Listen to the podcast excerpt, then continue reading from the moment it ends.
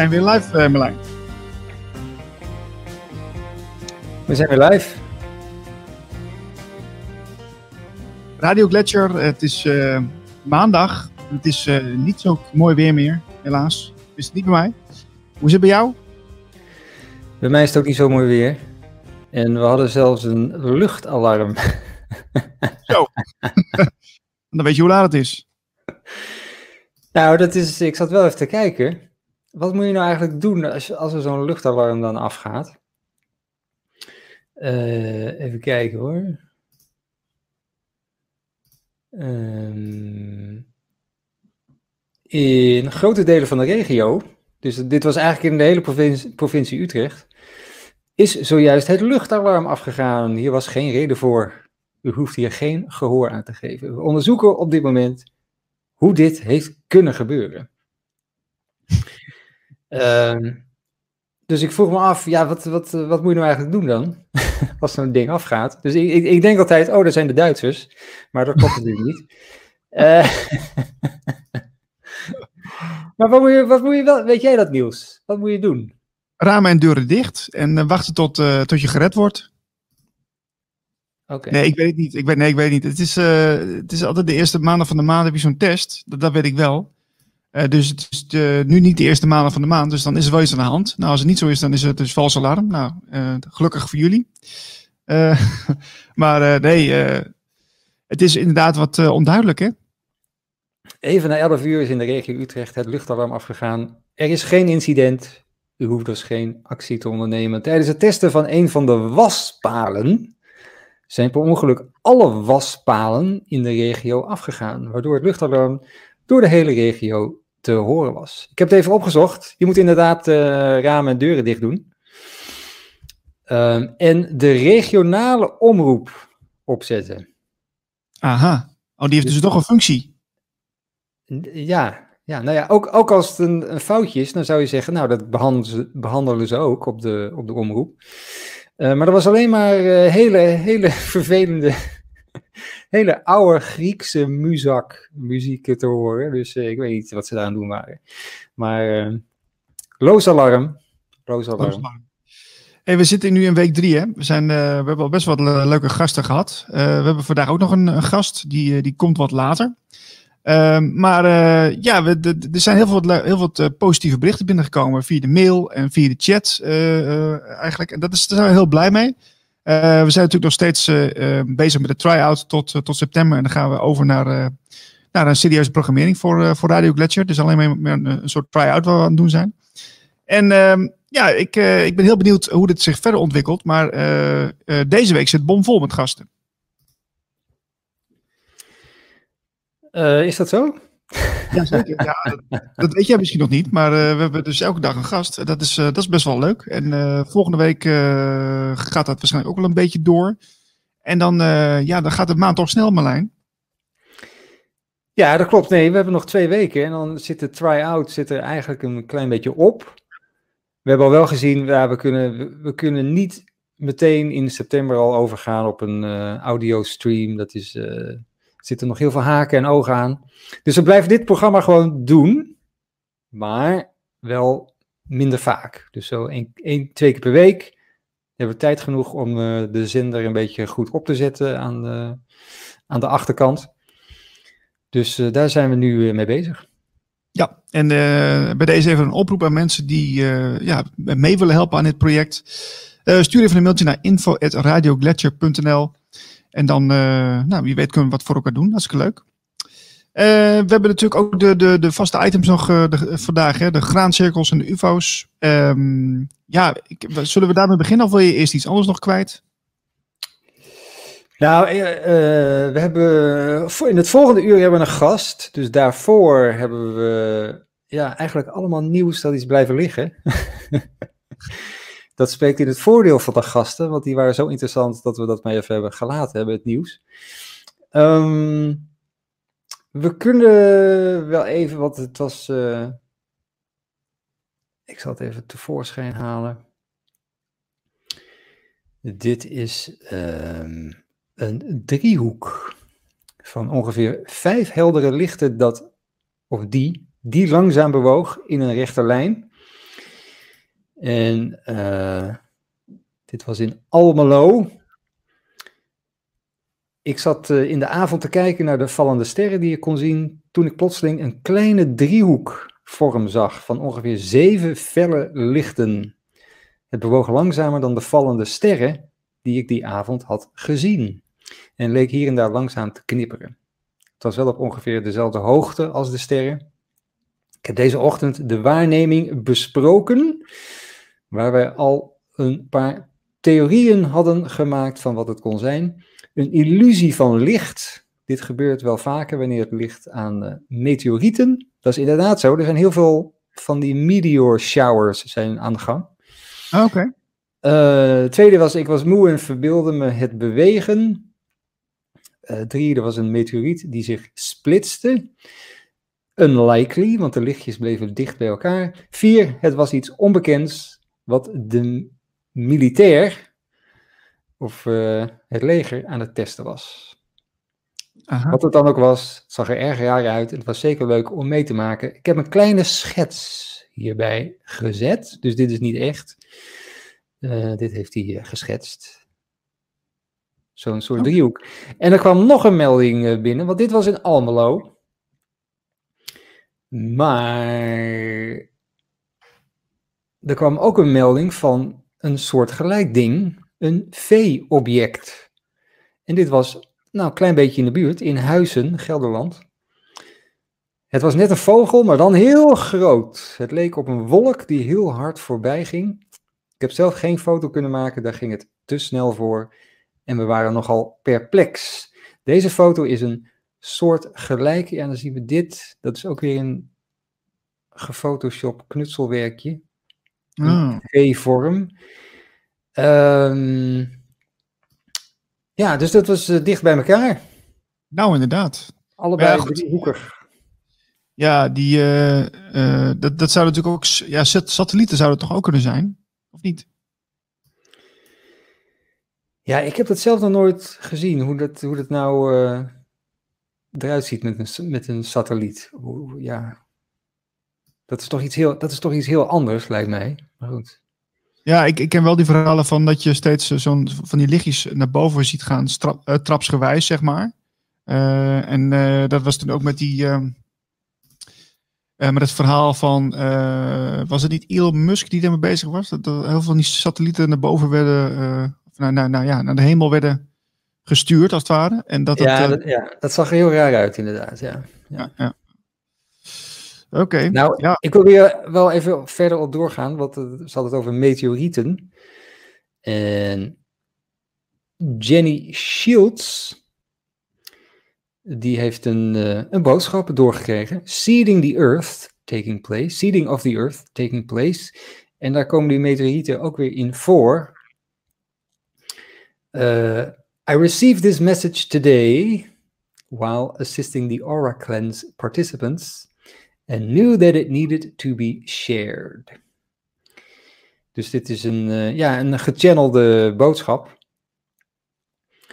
Uh, what must be understood about this meteor shower is that it contains valuable genetic coding and information that has the potential to turn on dormant, often misunderstood DNA. I say potential because not all on Earth are accepting of these activations, and not all can be upgraded due to their form. I replied, Many will worry that advanced age or declining health will keep them from upgrading. Dus we krijgen een soort codes binnen door die meteorieten, krijgen we een soort codes en ja, we worden geupgrade met een soort, met een soort energie. Ja. En uh, he, ja, heeft, ouder worden en uh, ongezonder uh, worden, zeg maar, daarmee te maken. En ze zeggen nee, no, what keeps one from being able to physically accept such advanced coding is the amount of light in which one holds. Light is information on one hand and vitality on another. When one holds little vitality, they are unable to access the full potential that is available to them now. Many on your many on your planet are having issues with their form and advanced age, yet hold great vitality. The teams of guides and guardians that assist on Earth have been urging their incarnates, incarnates, incarnates, denk to breathe more and deeply, to allow the breath to open their energy channels and allow the spectrum of light, chi, prana, or whatever word suits into their form. The more light one holds, the more they're able to utilize all that the cosmos, cosmos, cosmos, cosmos is offering at this time. This particular, this particular meteor shower happens every year, which often causes it to be overlooked and not seen as a rare phenomenon. However, that is because most lack the understanding of the potential in which is held in each transmission that reaches your atmosphere. Dus dat heeft ook weer met die Lionsgate te maken. Maar waar we nog steeds. We zitten een beetje in het staartje, geloof ik. Het is tot de twintigste, geloof ik. En uh, daar had de Herbert het ook over. Dat er in deze afgelopen twee weken zo ongeveer. Dat is een enorm. Uh, er is enorm veel aan de hand qua, qua, qua energie. Merk je dat zelf ook, Marlijn? Uh, ik ben te druk om daar iets van te merken. maar uh, nee, dat. dat uh, ja, dat, dat is altijd lastig als je met dingen bezig bent, zoals wij nu met, met Radio Kletcher, om dan, ja, het, het, het loopt wel, hè? Het, stroomt wel, vind ik. Dus er zijn wat haken en ogen hier en daar, maar over het algemeen stroomt het gewoon lekker door. Ik weet niet hoe jij dat ziet. Ja, en dat, je bedoelt de, de, de, energie die wij erin leggen om, om, voor de platform, bedoel je? Of bedoel je ook voor jezelf? Ja. Nee, voor de platform. Ja, ja nee, dat, dat klopt ook wel. En dat is ook, uh, ja, dat is ook mijn, mijn focus op dit moment ook vooral op. Um, dus uh, ja, ik, inderdaad, de, de, de druk, zo zou je het kunnen zeggen. Het is inderdaad, ik, ik heb ook genoeg te doen de afgelopen tijd en de komende tijd ook. Dus ik, uh, ja, je moet daar heel bewust moet je, je afstemmen. wil je dat soort subtiele ja, ervaringen, zeg maar, meer opmerken? Um, maar ja, dat, dat, zal, dat zal ongetwijfeld. Ik, ik, hoor ook wel vrienden van mij die dat wat beter volgen. En die zeggen ja, de komende, de komende maand gebeurt er heel veel. Augustus, dat wist ik ook. Dat, is, dat, dat, dat het een hele ja, bijzondere energetische maand zou worden. Um, maar uh, ja, ik, ik, ik zelf merk dat nog niet zo. Maar ik zit, zit nu best wel veel in de materie. Ik zit, zit best wel in het. in het ja, in, in de stof, zeg maar. Dus je. ja, dat klinkt misschien wat gek, maar je bent, je bent dan bent anders afgeleid. Wanneer je wat vaker naar binnen gaat, en dat, dat zou ik eigenlijk moeten doen. Maar ja, dat, je weet hoe het gaat, dan, dan, dan, dan gaat dat even op een lager pitje. Maar als je, het, als je het vaker doet, dan ga je die, die, die energie wat meer merken. Dat, en dat ja. En dat is ook per persoon natuurlijk verschillend. Hè? De ene die, die heeft, maakt het wat heftiger mee dan de ander. Maar ja, het, het, ik geloof het wel. Het zou best kunnen. Ja, de, nou ja, de tip die ze hierin hebben, is uh, om te ademen, te breathe. Te breathe deeply en flink, flink op zijn Wim Hofs, zeg maar.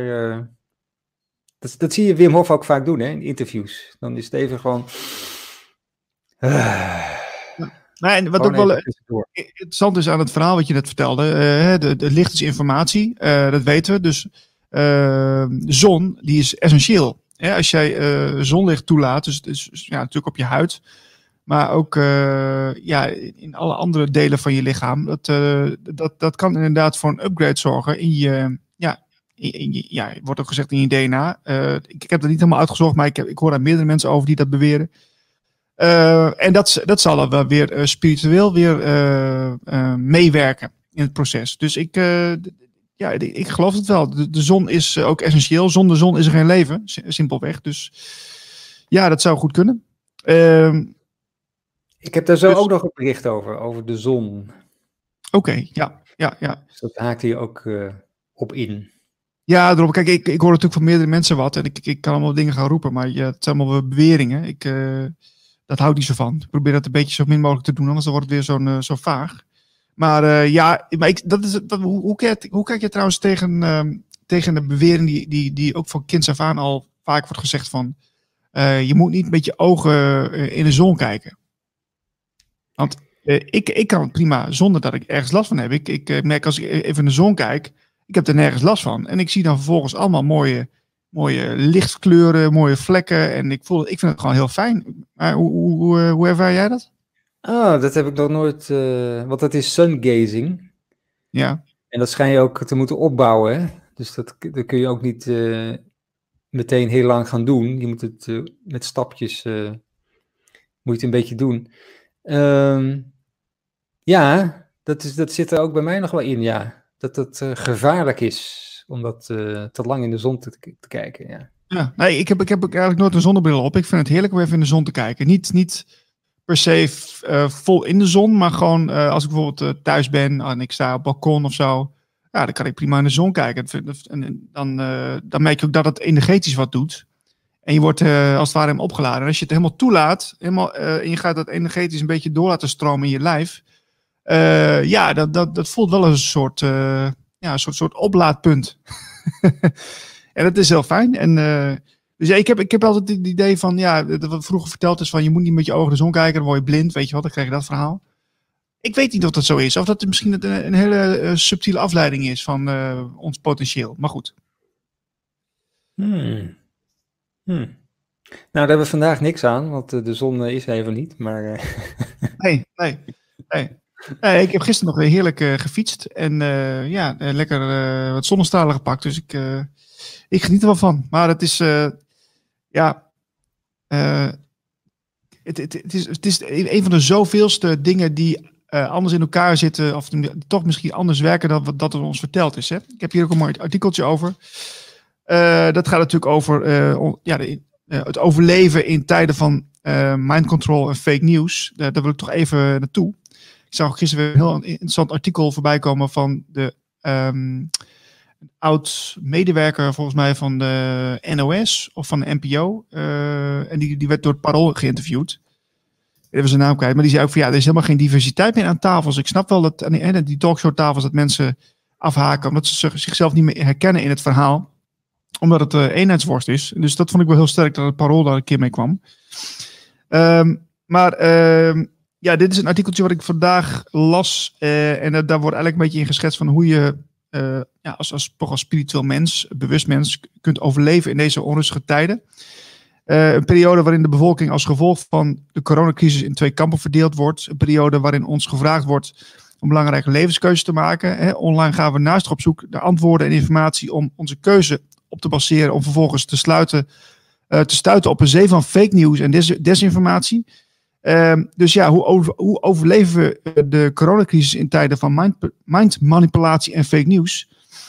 Uh, ja, dan kom je toch uiteindelijk bij het stukje dat je bij jezelf moet blijven.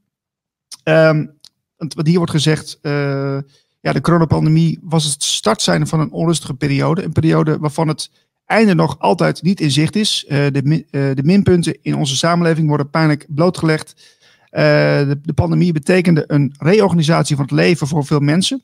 Elk aspect van ons leven, van huisvesting tot onze carrière, ging op de schop. Uh, het is niet meer dan logisch dat we massaal met z'n allen op zoek gingen naar een nieuwe verhouvast in, onze leven, in ons leven. En de grond werd on, onder onze voeten weggeslagen en we bleven achter in een onzeker bestaan. En um, dit is ook weer een stukje van Helena Blavatsky. Ken je die? Nee. Nee? Oké, okay. nou daar kom ik dan zo wel op. Um, ja, ik ga, ik ga even kijken waar ik nou verder ga met het verhaal, want dat is een heel, heel lang stuk. Um, als mensen willen we de gebeurtenissen en situaties uh, om ons heen vatten en doorgronden. Online, gingen we op zoek naar lotgenoten en oplossingen, maar bovenal zochten we naar antwoorden. Het internet is een bron van informatie, maar helaas ook van desinformatie en fake nieuws. Hetgeen dat voorheen altijd betrouwbaar leek, kan nu als een kaartenhuis instorten. Een evolutie die ervoor zorgt dat bijna alles in twijfel kan worden getrokken. Een ideale voedingsbodem om het denken bij een massa mensen over te nemen. Het gevaar daarin is dat, is dat de kans reëel is dat je gedachtegoed gaat aanhangen dat, je niet, dat niet het jou is. Een ideologie die je gewoon hebt aangenomen omdat je geen andere mogelijkheid zag. Um, nou, dan hebben we dus hier een, uh, uh, een uitspraak van Helena Blavatsky. Only a wide knowledge of real psychic and spiritual nature of man can save humanity from grave dangers.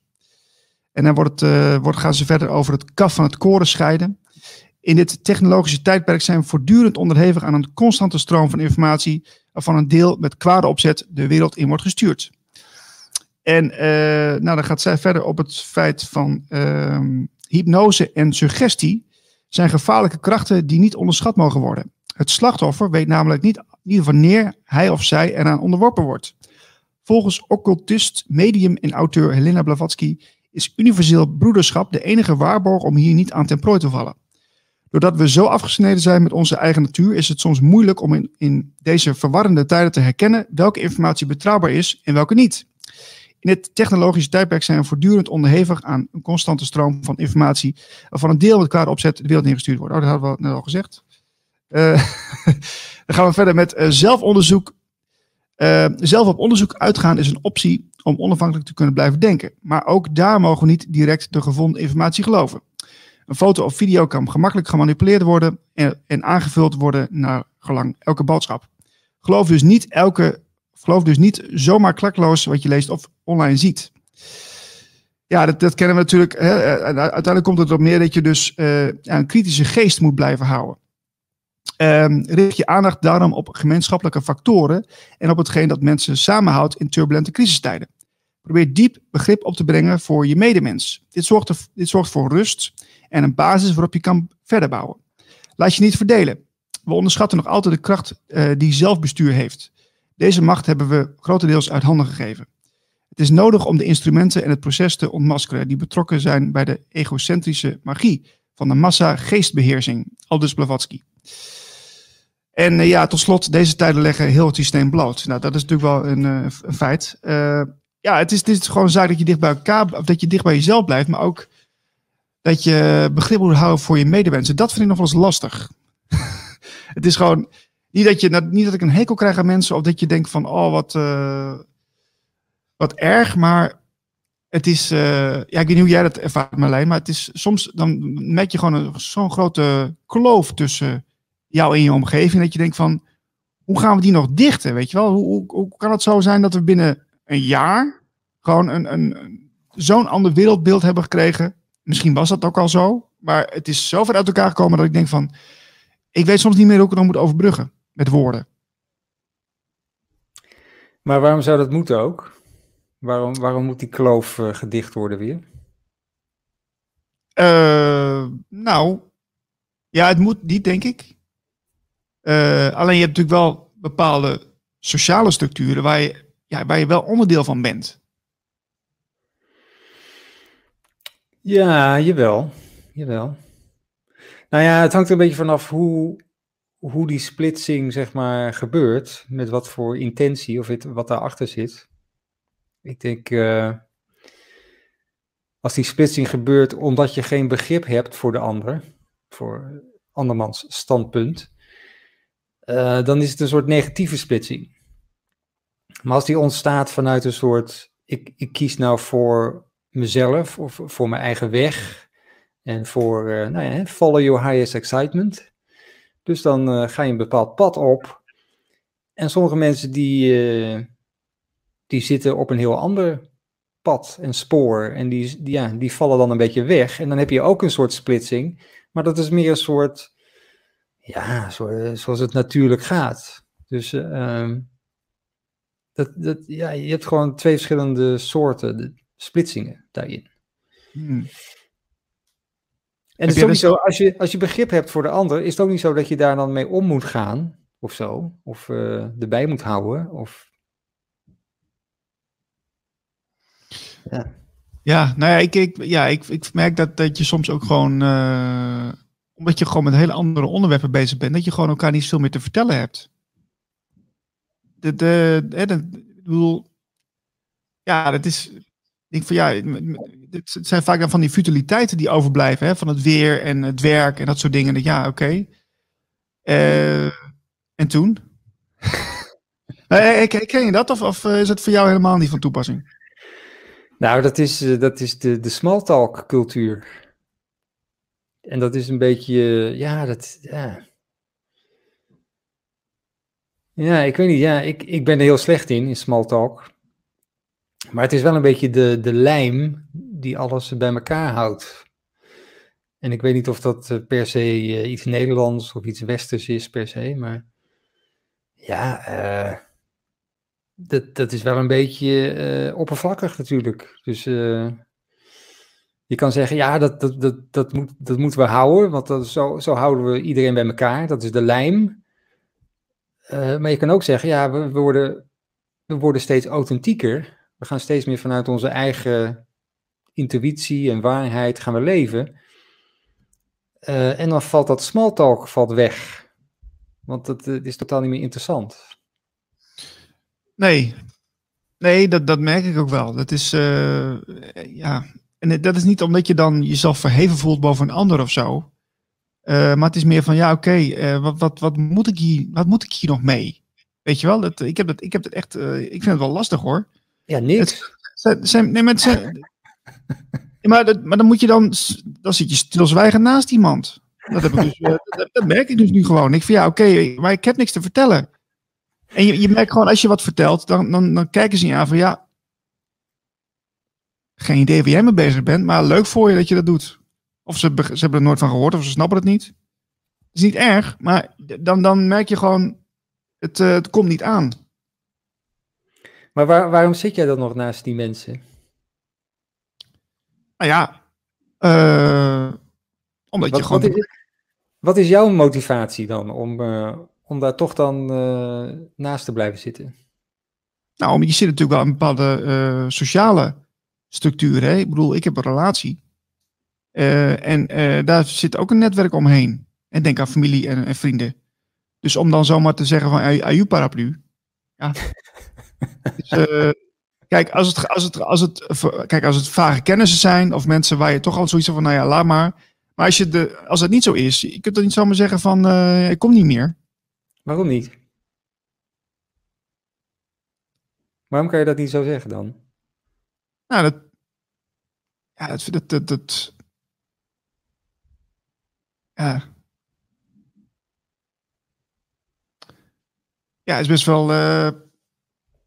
Zet het even in de chat, ook mensen die nou kijken. Zet het even in de chat. Waarom dat, niet, waarom dat wel en waarom dat niet zou kunnen. Dat is misschien wel. Uh... Het is misschien, het is misschien wat, wat, uh, wat ja, ik kan nu heel veel woorden gaan uitkramen. Ik zeggen asociaal of misschien onbeleefd of kijk, als je uitgenodigd wordt, het is, het is niet zo netjes om dan te zeggen van ik kom niet meer, maar kijk, het is, ik vind het voor vrienden en kennis vind ik anders. Maar familie vind ik toch wel, vind ik toch wel, ja, het is toch wel iets wat, wat voor veel mensen belangrijk is. Uh, ja. Ja, maar er zijn ook heel veel mensen die met hun familie zijn uh, gebroken. Die zijn er ook. En alles ertussenin. Ja. Ja, ik ben, ik ben daar niet op uit om te breken met familie.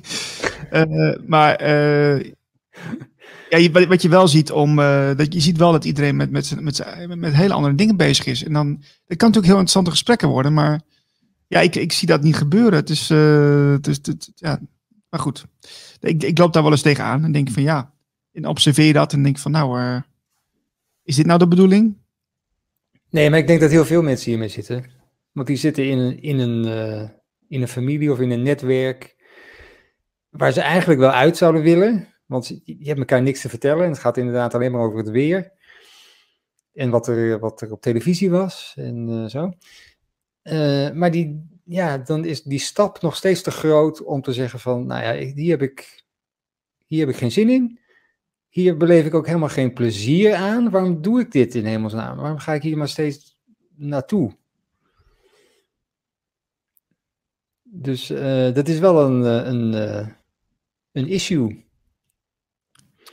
Ja, we, hebben een, we, hebben een, reactie van uh, Ilse oh, van der Putten. Het kaf wordt van het koren gescheiden. Uniek in deze tijd. Dit is nieuw. Het oude werkt niet meer, dus dat klopt. Ja, nee, helemaal eens. Helemaal eens. Ja, um, ja, hoe gaan we hier nou verder? nou, we hadden het over begrip. Dus uh, ja, ja, ik, ik wil eh, toch, ik weet nu weet ik het weer. Want uh, wat ik ook merk is dat sommige onderwerpen gewoon zo beladen zijn dat, je, dat ze niet meer bespreekbaar gemaakt kunnen worden. Het is gewoon van. eh, je, merkt, je, merkt, je, merkt, je gewoon zo duidelijk van dat, dat de ander daar eh, heel anders naar kijkt. En ik van ja, een discussie heeft sowieso geen zin meer. Dat, dat, dat- al die argumenten die komen niet aan. Of ze, ze, ze- mensen hebben hun keuze gemaakt, inderdaad. Het kaf is van het koren gescheiden, inderdaad.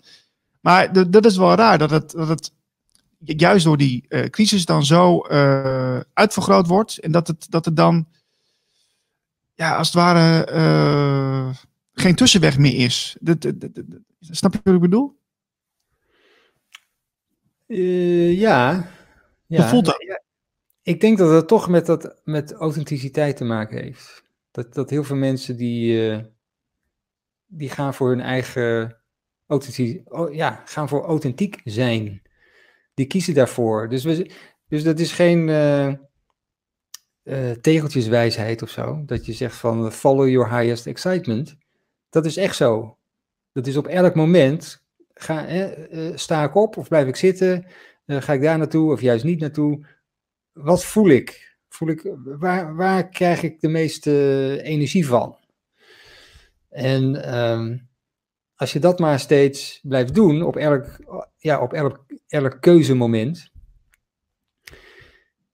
dan, eh, ja, dan, dan, zie je, dan zie je wel wat de consequenties daarvan zijn. Maar je bent wel authentiek. En je Ja. aanvaardt die consequenties allemaal. Nee, nee, nee dat, dat is ook zo, weet je. Dus eh, kijk, eh, ik, ik heb natuurlijk al jaren geleden, eh, misschien wel tien jaar geleden was al, denk ik, dat, dat ik gewoon geen, geen verjaardagen meer vier. Ik ga, ik ga niet meer mijn eigen verjaardag vieren, dat, dat, dat, dat doe ik niet. Ik ga nog wel naar familie toe, dat vinden ze fijn. Ehm, maar ik ga niet naar kennis. Als, als mensen mij leren kennen en zeggen, oh Niels, ik ben verja- jarig binnenkort, dan zeggen nee, ik kom niet, ik ga niet. Vind ik niks. Kijk ze vaak een beetje raar. Dus eh, mensen die, nieuw- die mij leren kennen en die nieuw zijn, eh, bij deze, ik kom niet. maar, maar goed, ja, ik doe het dan. Ik, ja, bij familie doe ik dat toch van. Als, ja, echt de, de, dus de dichtbijzijnde familie, hè, oma's die je nog, nog hebt en, en zo. Daar ga je nog even heen. Eh, maar de rest heb ik zoiets van, ja jongens, alsjeblieft zeg. Maar dat, dat geldt dan voor al, die, al dat soort nummertjes. Van, ehm, ja, dat zit, je, je merkt gewoon, je zit dan bij elkaar, omdat, omdat dus één of twee mensen die hebben dat dan georganiseerd en die vinden dat dan leuk. En dan zit je gewoon vijf uur lang ja, tegenover elkaar met mensen die je eigenlijk nooit spreekt. Je belt ze nooit op, ze bellen jou nooit op. En dan eh, twee keer in het jaar, dan is het zover. En dan denk ik van ja, en dan wordt het inderdaad eh, zo'n eh, zo, zo'n riedeltje. Maar goed, misschien blijven we een beetje te lang hangen. Maar het, is wel, het is wel het onderwerp van, van de afgelopen anderhalf jaar, denk ik, voor heel veel mensen. Ja, nee, En, dat, zeker. en dat, dat vind ik jammer dat dat gewoon niet besproken wordt. Ik bedoel, dat zou dus bij al die talkshow-tafels een keer eh, besproken moeten worden. Hè? Dat, dat, dat is het gesprek van de dag. Maar dat, eh, ja, dat, ik mis dat gewoon. Ik vind het Nou, jammer. nu, nu val je ook in de, in de val. Hoezo? Nou, omdat je zegt, waar, maar waarom moet dat op, op die eh, talkshowtafels? is toch helemaal niet relevant, die programma's? Waarom moeten die daar aandacht aan besteden dan? Eh, nou, omdat dat, dat als zij een beeld willen schetsen van, van wat er nu gebeurt. Dat, dat, als zij denken dat het hun taak is, dan mogen ze dat wel eens gaan behandelen. Ja, maar, ja, maar dat is de val. Dat is de valkuil. Want dan ga je. Want zij, zij, hebben, zij hebben een soort missie, zou je kunnen zeggen, publieke omroep en zo. En dan ga, je, dan ga jij als buitenstaander, ga jij hen aan hun eigen missie proberen te houden. Dat is eigenlijk heel raar. Je gaat, je gaat ook niet naar de supermarkt en zegt van, eh, ja, dit, dit staat in jullie, eh, in, in jullie policy. En eh, ik kom jullie even controleren dat jullie dat wel goed doen. En we doen dat bij de televisie wel, omdat we, die, die zetten we op een soort voetstuk. Van, oh, de televisie, oh, de, de, het hoofdpodium, de talkshow op de Nederland 1. Oh, en ja, die moeten toch wel dit en dit en dit en dit. Nee, vergeet het nou. Die televisie is totaal niet relevant meer. Daar kijken alleen nog maar 60-plussers naar, eh, met een half oog. En eh, de, de, Nee, maar dat, dat ben ik wel met je eens. Eh, alleen, ze, kijk, als ze. eh, hè, de- laten we zeggen dat het twintig jaar geleden was het wel anders. Dat is wel, wel waar. Toen was, was, was, waren er meer groepen vertegenwoordigd. Mensen konden zich identificeren aan, aan, aan de mensen die aan tafel zaten. Dat, was gewoon, dat is nu gewoon niet meer zo. Dat is gewoon minder. Het is gewoon eenheidsworst. Dus eh, eh, ja, als je, als je zegt dat je als publieke omroep die taak op je neemt, je, je, je, je wil daarin faciliteren, daar wordt zelfs belastinggeld naar toegestuurd elke maand. dan moet je dat ook doen. Dus daarom geef, breng ik dat in. Ik bedoel, ik weet ook wel dat het niet gebeurt, maar ja, en daarom zie je dus ook die alternatieven zoals wij zie ontstaan om, om, dat, om dat wel te doen. En dan ook gewoon alles op tafel te leggen wat, wat gewoon nodig is. Want het is, het in, ja, ontzettend veel meer informatie uh, verkrijgbaar uh, dan alleen maar die paar zenders die je kunt hebben op tv. Maar goed, ja, uh, dus, dus, nou ja. Maar jij, jij, jij vindt eigenlijk dat we gewoon ze moeten negeren helemaal? nou, ik, nou, ik kijk er helemaal niet naar, dus... nee, ik ook niet. Maar ik, ik vergeet wel. Ja, kijk, ik doe het zelf wel. Maar ik vind wel dat je... Kijk, dat is dus het contact wat je dan nog hebt met die mensen waar ik net uh, op doel, uh, die kijken daar dus wel naar. Hè? Als je contact wil houden, dan. Uh, kijk, het is niet zo dat je, dat je moet kijken omdat zij er naar kijken, maar het is af en toe wel handig om een beetje te weten waar het, waar het over gaat. Want dan kun je zien waar, waar zij met hun beleving zitten. Ja, volgens mij praat ik mezelf een beetje vast, of niet?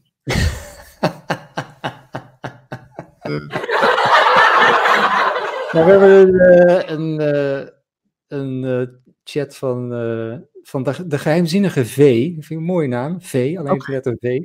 Ja. Verplichte nummertjes met gesprekken die het niet, waar, niet waard zijn om te voeren. Ik denk dat dat op, uh, op de talkshowtjes slaat. Ilse zegt, je hoeft er niet mee om te gaan. Wegen scheiden nu. Het wordt uitvergroot. Je geeft zelf alle antwoorden. Je kiest niet tegen iets. Je kiest voor de nieuwe energie. Mooi, ja, maar, zeker. Ja. Oké, maar wat, wat, zou dan, wat zou dan eh, het advies zijn van de, van de luisteraars of de kijkers? Want uh, ja, want ik vind het wel lastig wat, wat je nu doet. Want ik, ik, ik wil niet per se. Uh, ja, ik, voor mij hoeft die grove scheiding niet met familie. Dat hoeft mij niet. Uh, wil, ik hou van ze. ze, hebben, ze hebben vaak een andere kijk, maar dat geeft niet. Maar ik word er wel. Ja, ik, ik krijg niet veel energie van om steeds erheen te gaan. Ik ben wel benieuwd hoe, de, hoe, de, hoe ze daarop reageren. Als, geef, geef me maar advies, graag. Maar dat, is nog steeds de vraag waarom je daarheen gaat als je er geen energie van krijgt. Wat, wat zit daar dan onder?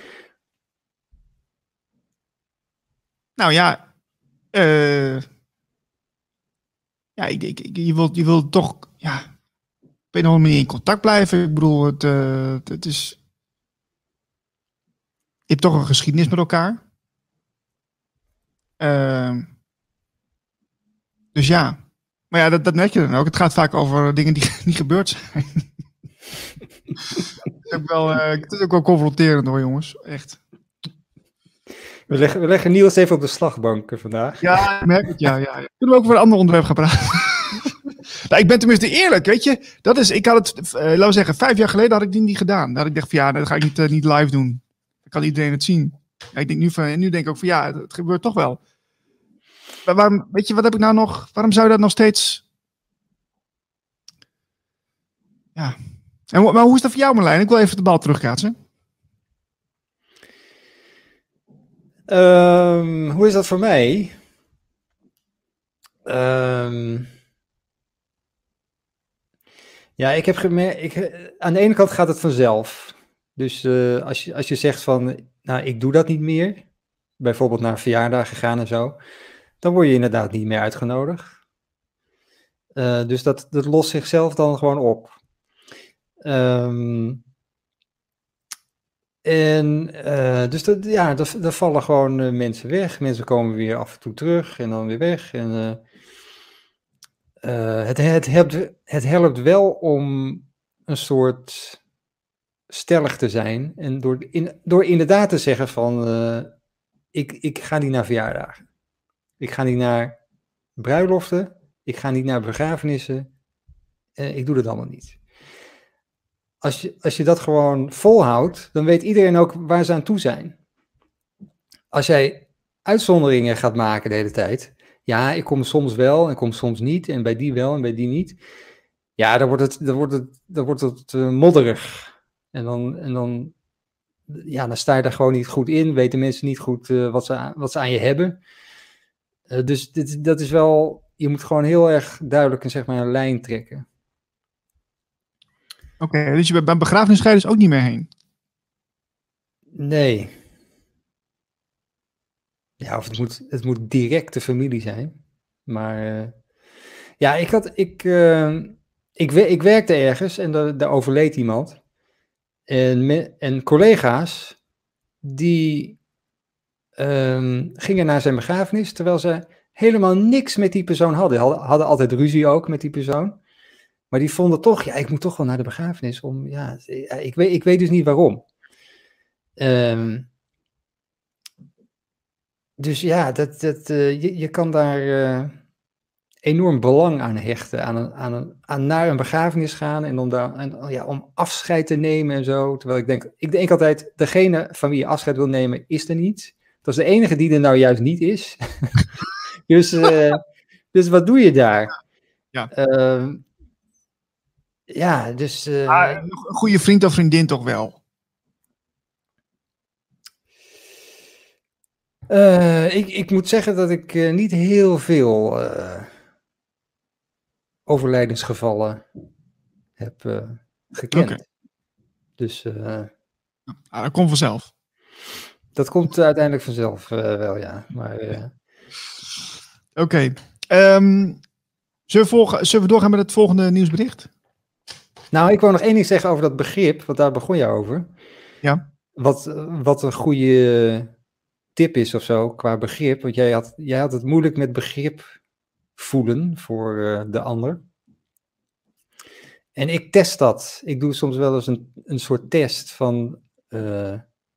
Want je voelt als je, als je getriggerd wordt door iemand. Ja. Door, door, zeg maar, door je vijand, met een heel groot woord. Maar uh, om, om het dan zo te bekijken uh, dat je toch begrip voor diegene kan hebben. En hoe, hoe doe je dat dan? Uh, nou, dat is, dat is ook heel vaak als je denkt van we zijn allemaal familie eigenlijk van elkaar. We zijn allemaal broers en zussen van elkaar.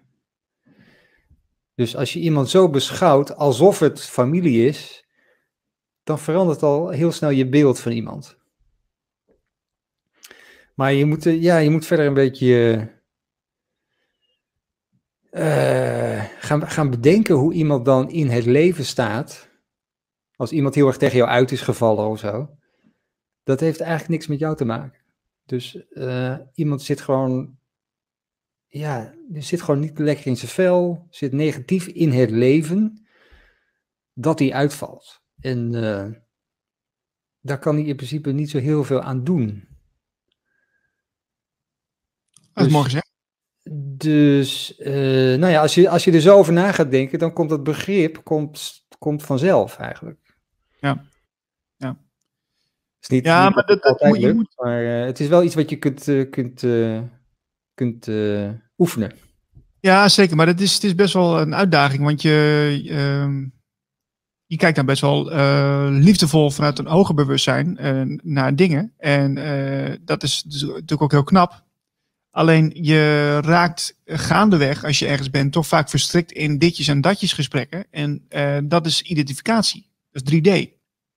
En, dan, dan wat mij wel eens gebeurt, en dat is ook heel, volgens mij is dat best wel normaal, dat je dan even vergeet van, oh ja, ik, nou ja, vergeet je, je, je wordt wel eens meegesleurd in zo'n verhaal. En, uh, en dan wordt er heel snel, dan wordt het heel snel oordelen. En dan is het moeilijk om dat te boven, boven te blijven hangen. Omdat je dan wordt eigenlijk gewoon heel subtiel, niet dat het bewust gebeurt, maar heel subtiel word je gedwongen om een links- of rechts keuze te maken. Of, of goed of fout, weet je wel? En dan moet je, jou, wat jouw kracht is, wat, jou, wat jij nu uitlegt, is dat je erboven blijft hangen. En dat je dat kunt zien van ja, nee, maar dat, daar gaat het dus niet om. Uh, of dat is, uh, maar, dat, maar dat is, ja, je moet er eigenlijk wel goed opletten volgens mij. Steeds bij de les blijven van wat er nou eigenlijk gezegd wordt. Maar uh, ja, dat is vier, vijf uur achter elkaar is, wel, is wel lang, vind ik hoor. Ja, nou ja, nog, een, nog een manier om, je kan iedereen als familie zien.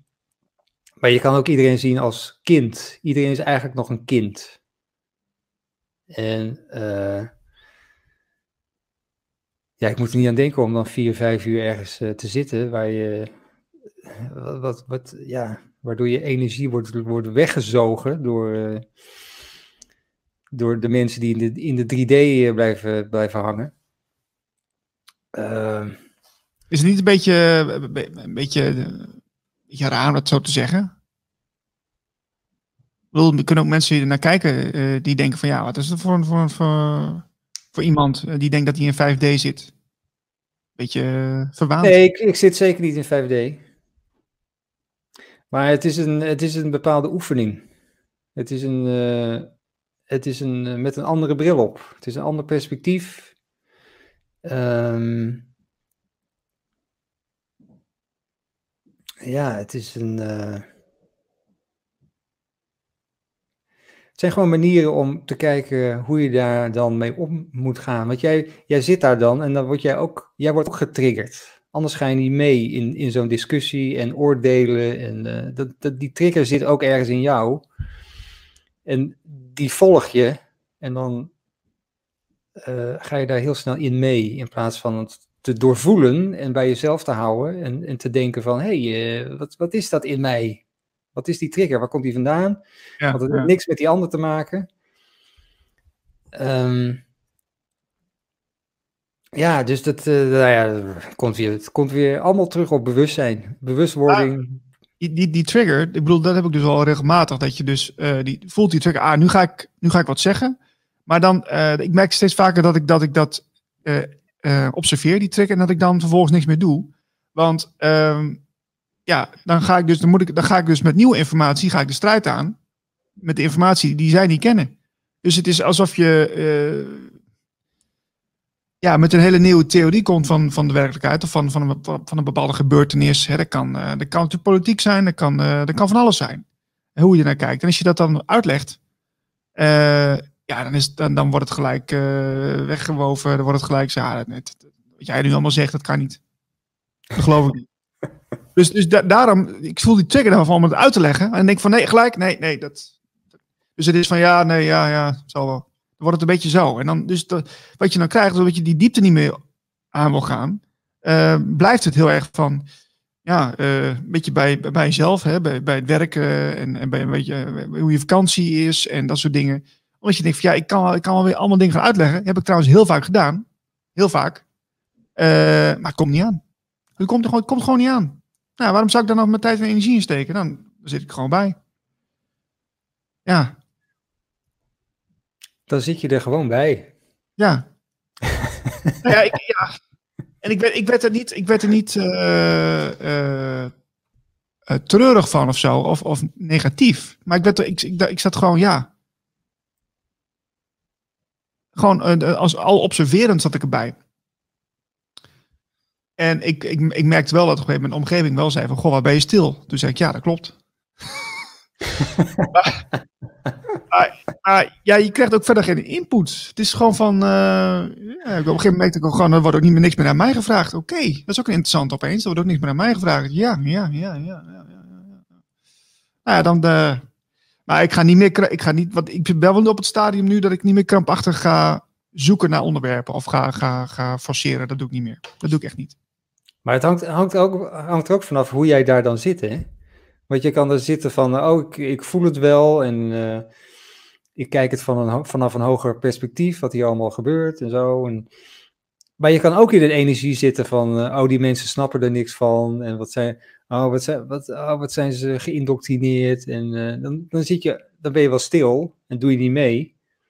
Maar dan zit je wel ook weer in, in dat oordelen.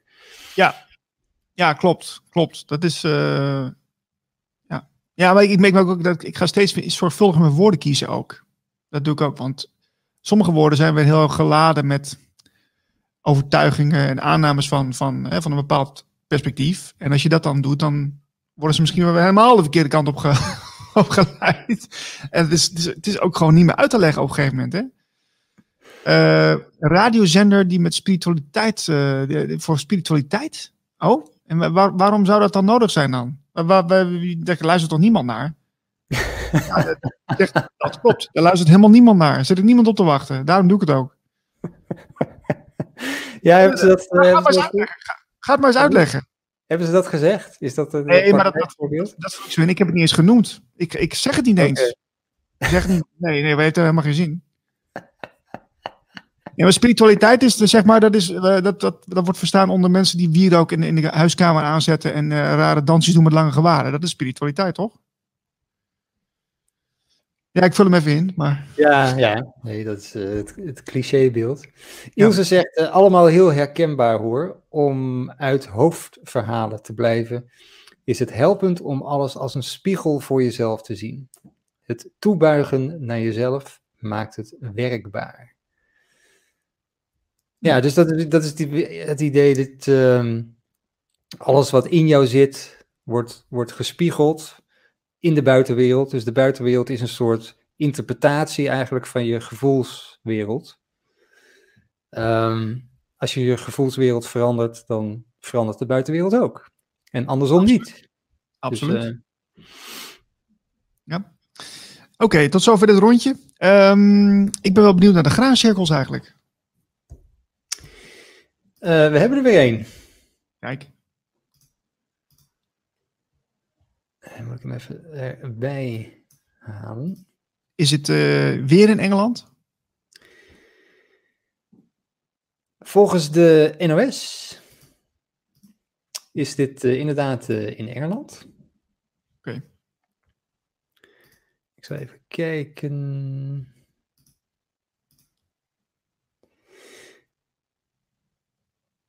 Dit is hem. Hij lijkt een beetje op eh, die we vorige week hadden met eh, ja, een soort van eh, pentagrammen, geloof ik. Of twee van die driehoeken in elkaar geschoven. Lijkt hij een beetje op. Wauw, wat een mooie man. Maar dit is wel een ingenieuze, ja. Ja, en die, die sterren, die, die hebben dus, of die, die, ja, die aan, de aan de buitenkant, die, die sterren, zeg maar, die hebben wel een, een betekenis, hè? Ehm, is dat zo? Ja, volgens mij had Herbert het daarover de vorige keer. Als ik me niet vergis. Eh, dat weet ik even niet. Wat hij over de ster, de sterren zei. Oké, We, zien geen 11 dit keer. Of 11, 11. Eh, maar ja, dit, is dus, dit schijnt dus een soort energieke 5D-achtige code te zijn. Dat als je er naar kijkt, alleen al, dan, eh, dan word je, word je een stukje, stukje opgetild.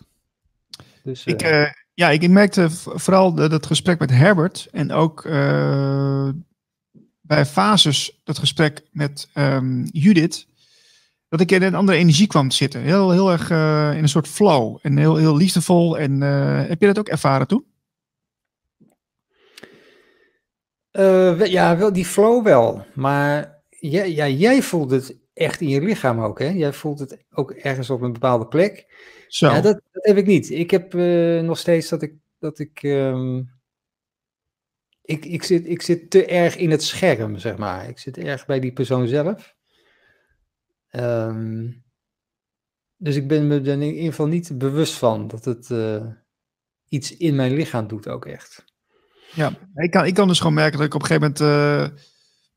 eh, ehm, dat, ik, dat ik mijn lichaam anders ga ervaren. Hè? Als ik gewoon met jou in gesprek ben nu, dan ben ik heel gefocust inderdaad op het scherm. En dan eh, ben ik met de vraag en antwoord bezig. Maar als iemand gewoon mooi vertelt, dan kan ik dus daar een beetje bij weg eh, verschuiven. waarin, het, waarin ik in een andere staat kom. Een soort van ja, een soort ontspanningsstaat. En waarbij je dus eigenlijk ehm, dat die, die identificatie wordt, wordt eh, minder. Wordt, wordt, ja, wordt, ja, hoe moet ik het uitleggen? Alsof je even vanuit dit perspectief kijkt, achter je hoofd, in plaats van in je hoofd. Snap je wat ik bedoel? Ja, ik snap wat je bedoelt. Maar eh, ja, je bent ook nog een soort van met een interview bezig. Dus eh, hoe, hoe doe je dat dan? Oh, maar dat gaat, het gaat automatisch, dan switch ik gewoon weer terug. Het, het, is, het is niet de hele tijd, ik, dat, dan is het gewoon even zo en dan zo en dan ben ik weer terug. En, dan, en grappig genoeg is de, als ik een vraag krijg of ik moet, eh, ja, ik heb toch het idee dat, dat, dat, dat, dat ik een vraag heb. Dat gaat vol automatisch gewoon door. Dus ik ben gewoon wel aanwezig hier. Achter en voor. En, ja, maar het, het, het gaat, het gaat gewoon vanzelf. Ik bedoel, ik heb ook niet over deze tekst nagedacht eh, vlak voordat ik iets ging zeggen. Dus het, het komt blijkbaar stroomt het gewoon goed door. En ik, ik was gewoon heel ontspannen. Ik bedoel, ik heb ook niet. eh, ik ben ook nooit zenuwachtig geweest de laatste, eh, laatste tijd hoor. Ik, vind- ik vind het gewoon leuk. En ben gewoon mezelf. Dat, dat gaat steeds beter. en eh, ja, dat is, ik heb er gewoon plezier in. Dus dat is voor mij eh, het belangrijkste wat je moet doen.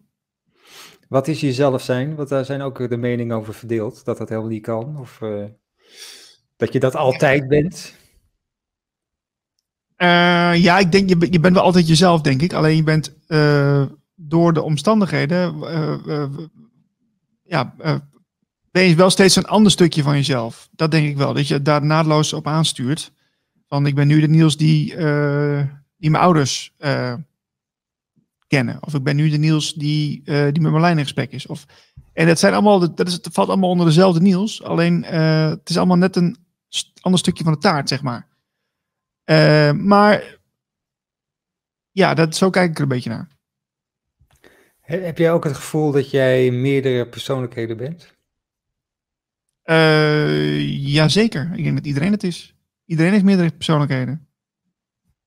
Eh, alhoewel, ehm, sommige mensen mindere mate, denk ik. Sommige mensen zijn meer één, maar anderen die zijn meer verdeeld. En hoe dat dan werkt, weet ik niet. Dat is, zo, zo, zo, dat is een beetje mijn theorie hoor. Ja, nee, die, theorie eh, die ken ik ook. Die is, die is, dat is, het heeft met fragmentatie te maken, dat je bepaalde ja, persoonlijkheden bent. Je bent niet één persoonlijkheid met één persona en één naam. Je bent meerdere. En af en toe komt er, komt er eens één eh, naar boven die opeens het woord neemt. En eh, dat, is, dat is een. Ja, ze zeggen dan, ja, dat is, dat, ja, dat is een stukje van mij of zo. Ja, dat, is een, dat, dat zit ook in mij. Maar je kan het ook zien als persoonlijkheid, aparte persoonlijkheid binnen jouw, binnen jouw omhulsel. Dus eh, Ja, het zijn verschillende maskers die je op kan zetten. En die, die, die wisselen gewoon vol automatisch door. Die kiezen gewoon hun, hun moment uit wanneer ze nodig zijn. En daar hoef je eigenlijk niks voor te doen. Dat is eigenlijk wel een fantastisch systeem. Ze, ze, ze doen gewoon een stoelendans. En eh, als het nodig is, dan eh, springen ze erop. ja. En je hoeft er niet bij na te denken. Dus dat is wel grappig. Maar ja, je, je- ja, het is... Ja, we zitten, we zitten zo complex en ingenieus in elkaar, joh. Dus als je er dus bij nadenkt. Dus, eh, en wij, wij, dat denken van ons is trouwens ook maar een, zeer overgewaardeerd eh, stukje. Want eh, ons gevoel is veel groter. Dus we, de- we denken dat we alles kunnen bedenken en, en kunnen rationaliseren en, en, en overzien. Maar dat is natuurlijk onzin. We, overzien eigenlijk maar een heel, stukje, heel klein stukje van de werkelijkheid. Hè, eh, 0,0005% eh, kunnen we zien met onze hersenen. Dus niet met onze ogen, hè, met onze hersenen. Dus.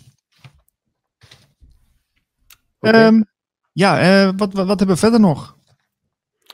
Ja, oh ja, dat is trouwens dat is wel een leuk bruggetje. Moet, bedenk ik me nou opeens. Eh, zien. Ik heb een leuk artikeltje gevonden van Nieuwe Tijdskind is het volgens mij. Eh, dat heeft de titel Waarom we s- alleen s'nachts geesten zien. Heb jij ook wel Oh. ervaring? Soortgelijk. S- soort van. Soort van. Ja. Ehm, nou ja, daar hebben ze wel een leuke verklaring voor. En ik, dus ik, ik, eh, ik, ik, ja, ik snap hem wel. Eh, ben je ooit midden in de nacht eh, wakker geworden en zag je toen vreemde bewegende schaduwen? Of ben je wel eens s'nachts alleen in een huis geweest en zag je iets vanuit je ooghoek bewegen? Ehm, ja, paranormale activiteit gebeurt zowel overdag als s'nachts. Alleen zien we het niet voor het, voor het nacht is. En dan wordt gezegd, ja, iedereen heeft paranormale gaven. De nauwkeurigheid van onze visie om het paranormale te zien varieert van mens tot mens. Maar iedereen heeft de gave om wezens van de andere kant te kunnen zien en met ze te communiceren. Dit is een onderdeel van ons zesde zintuig. Nou, dat, dat wisten we inmiddels. Ehm eh, dan wordt gezegd, na met honderden cliënten aan hun intuïtieve ontwikkeling te hebben gewerkt, heb ik nog eh, niemand gezien die niet in staat was na voldoende oefening af te stemmen op zijn intuïtie, zesde zintuig. Sommige mensen kunnen wezens van de andere kant duidelijker zien, omdat er bij hun minder dingen zijn die het zicht belemmeren. Dingen die je kunnen afhouden van het echt zien van iets paranormaals zijn bijvoorbeeld overtuigingen, sterke emoties als angst of fobieën, negatieve ervaringen in het verleden, etc. Eh, vaak hebben kinderen een open geest en zijn ze vrij van vooroordelen over wezens aan de andere kant. Tenzij, veel hor- horrorfilms, tenzij ze veel horrorfilms kijken. Deze open ontspannen staat maakt dat zij duidelijker paranormale activiteit kunnen zien. Dus eh, ja, nou, ik, ik, denk ook dat het inderdaad met veel met overtuigingen te maken heeft. Als je, als je, en er, wordt natuurlijk ook gehint op de, de, de meditatie. Hè? Als jij in meditatiestand komt, dan, eh, dan veranderen je hersengolven. Waardoor, je, ja, waardoor het in een andere staat komt. En je meer, ja, meer open bent voor, voor ja, meerdere dimensies. Daar komt er gewoon neer. Dus dat is hartstikke interessant. En ehm zal ik nog eens verder kijken wat er meer bij stond? Dan wordt er gezegd van wat is dan eigenlijk echte paranormale activiteit? Ehm, een geoefende paragnost of medium zal het verschil weten tussen welke visioenen uit onze verbeelding komen en welke afkomstig zijn uit onze geest. Hè, dat zijn onze hersenen. Eén belangrijk verschil is dat visioenen die uit je verbeelding of ego afkomstig zijn, altijd hun oorsprong vinden in angst. Bijvoorbeeld, we kunnen ons voorstellen dat iets boven ons zweeft als we slapen en dat het ons kwaad wil doen. Of we voelen dat iets ons naar boven volgt vanuit de kelder en we moeten dan de, de drang om ervan weg te rennen bedwingen. Deze gevoelens vinden hun oorsprong in angst en zijn daardoor het product van onze verbeelding. Uh, ja, belangrijk detail, angst. En angst uh, heeft natuurlijk heel veel invloed de laatste tijd. Um, en als je daar doorheen durft te gaan, als je die, ik heb het ook al meerdere malen um, in, in de vorige uitzendingen misschien wel gezegd, maar als je die angst uh, durft te omarmen, ja, dan merk je dus dat ja, dat, dat, dat het een hele open, open veld bereikt wordt. En ja, dat, uh, dat, dat, angst ook maar eigenlijk een, ja, een illusie, illusie is. ik kom niet maar mijn woorden vandaag, zeg. Jongen, jongen. Uh, hoe, zie, hoe zie jij dat, Marijn? Ja, ze zeggen depressie is, zeg maar, dat komt voort uit dat je te veel in het verleden hangt. En angst of anxiety, dat komt voort uit dat je te veel in de toekomst zit. Dat je je druk maakt om wat er in de toekomst allemaal zou kunnen gebeuren. Um, ja, dus dat is. Uh, ja, dat, ja, dat is angst. Ja. Als je gewoon in het nu zit, dan heeft dat geen vat op je. Want dan, dan maakt het helemaal niet uit wat er in de toekomst gebeurt. We hebben natuurlijk allemaal een idee van: oké, okay, ik ben nu 40, dus dan, eh, nou ja, dan moet ik nog, eh, nou ja, toch wel 40, eh, 50 jaar leven. Dat moet ik allemaal, zeg maar, volhouden. En, en dat wil ik allemaal nog bereiken. En dat, dus we hebben, we hebben het al helemaal uitgedacht. Dat we dan, nou ja, toch wel minimaal 90 jaar moeten worden. Mm, Want dan ja. is het leven pas geslaagd. Dus dan, en dan als je dat vastlegt, dan heb je ook iets te verliezen. Dus dan ben, je in het, dan ben je heel erg bang om dan in het nu allemaal dingen uh, mee te maken of uh, ja, gewoon maar te doen. Omdat het uh, een gevaar zou kunnen zijn voor dat ideaalbeeld dat je hebt. Dus daar komt denk ik die angst dan vandaan. Ik maak hem nog even af. Um, dat is het laatste stukje van, van dit artikel. Um, als je je oordeel kunt opschorten en kunt bepalen of jouw beeld of gevoel voortkwam uit angst, dan kun je accepteren of je iets paranormaals hebt gezien. Dit is de sleutel tot het openen van je paranormale zicht. Maar als je niet geïnteresseerd bent in het openen van het paranormale centrum in je hersenen, dan kun je altijd de schaduwen van je wegduwen en de kat de schuld geven van de vreemde geluiden om je heen. Nou, dat is wel grappig, hè? Ja, dat is dat ik, ik achteraf gezien uh, merk ik, of merk ik, uh, toen ik, toen ik kind was, toen uh, merkte ik ook al vaak dat de energieën uh, om me heen waren, vooral in bed. S'nachts dan lag je uh, te slapen of je, je, wilde slapen. En dan vlak voordat, je, voordat ik in slaap viel, merkte ik gewoon dat er, dat er dingetjes op me gingen zitten. Of dat er, dat er iets, een, energie om me, een energiegolf onder mijn voeten doorging of zoiets, weet je wel. En toen dacht ik, ja, dat is gewoon... een beetje, beetje, je, ging als, als, je ging dat als kind gewoon een beetje ja, verdoezelen. En nou, dat was niks. Dat is, dat is gewoon iets niet, niet aan denken, niet aan denken, gewoon gelijk geslapen. Maar ik was me dus toen al best wel bewust van dat er meerdere dingen gaande waren. Alleen je keek er gewoon niet naar. Het was gewoon je, je, je ja, cognitieve dissonantie noemen ze dat toch wel eens? Ja. Uh, ja, is dat hier ook van op toepassing? Weet ik niet. Ik had, uh, ik had op school, op de, op de basisschool, hadden we we hebben heel even een soort clubje gehad met, uh, met vrienden. Waarin we elke dag gingen aan, ons, uh, aan elkaar gingen vertellen wat we hadden gezien qua spoken en uh, dat soort dingen. Oh, cool. En ehm, eh, daar zijn we ook wel vrij snel weer mee op- mee opgehouden, omdat niemand iets zag. Ah, Ja, dus ik, had, ik, had, ik heb twee dingen wel eh, gezien, waarvan ik achteraf denk, oh, maar dat heb ik ook in een tekenfilm gezien. Dus dat, eh, ik, ik, ik zag een soort, eh, eh, een, een, een gehoornde, een gehoornde eh, skeletachtig figuur in een, in, een, in een ruit. Toen ik daar langs liep, toen dacht ik, oh, maar dat komt uit die film. Dat komt uit die film. hmm. Ehm, dus ik weet niet, en we waren vrij, vrij jong, ik denk 7, 8 jaar of zo. Nou, maar dat is wel stoer als je dan al- over begint. Dat is toch wel, eh, wel grappig. Ja, maar ja, daar, kwa- daar kwam dus niet zoveel uit. Er kwam niet zoveel uit. Ja. Ja. Ja, ik merk wel, eh, de, de- kijk, dat die lichten, ik zie, ik zie vaak wel, wel, wel lichten voor ik ga slapen. Of eh, energielichten, witte lichten.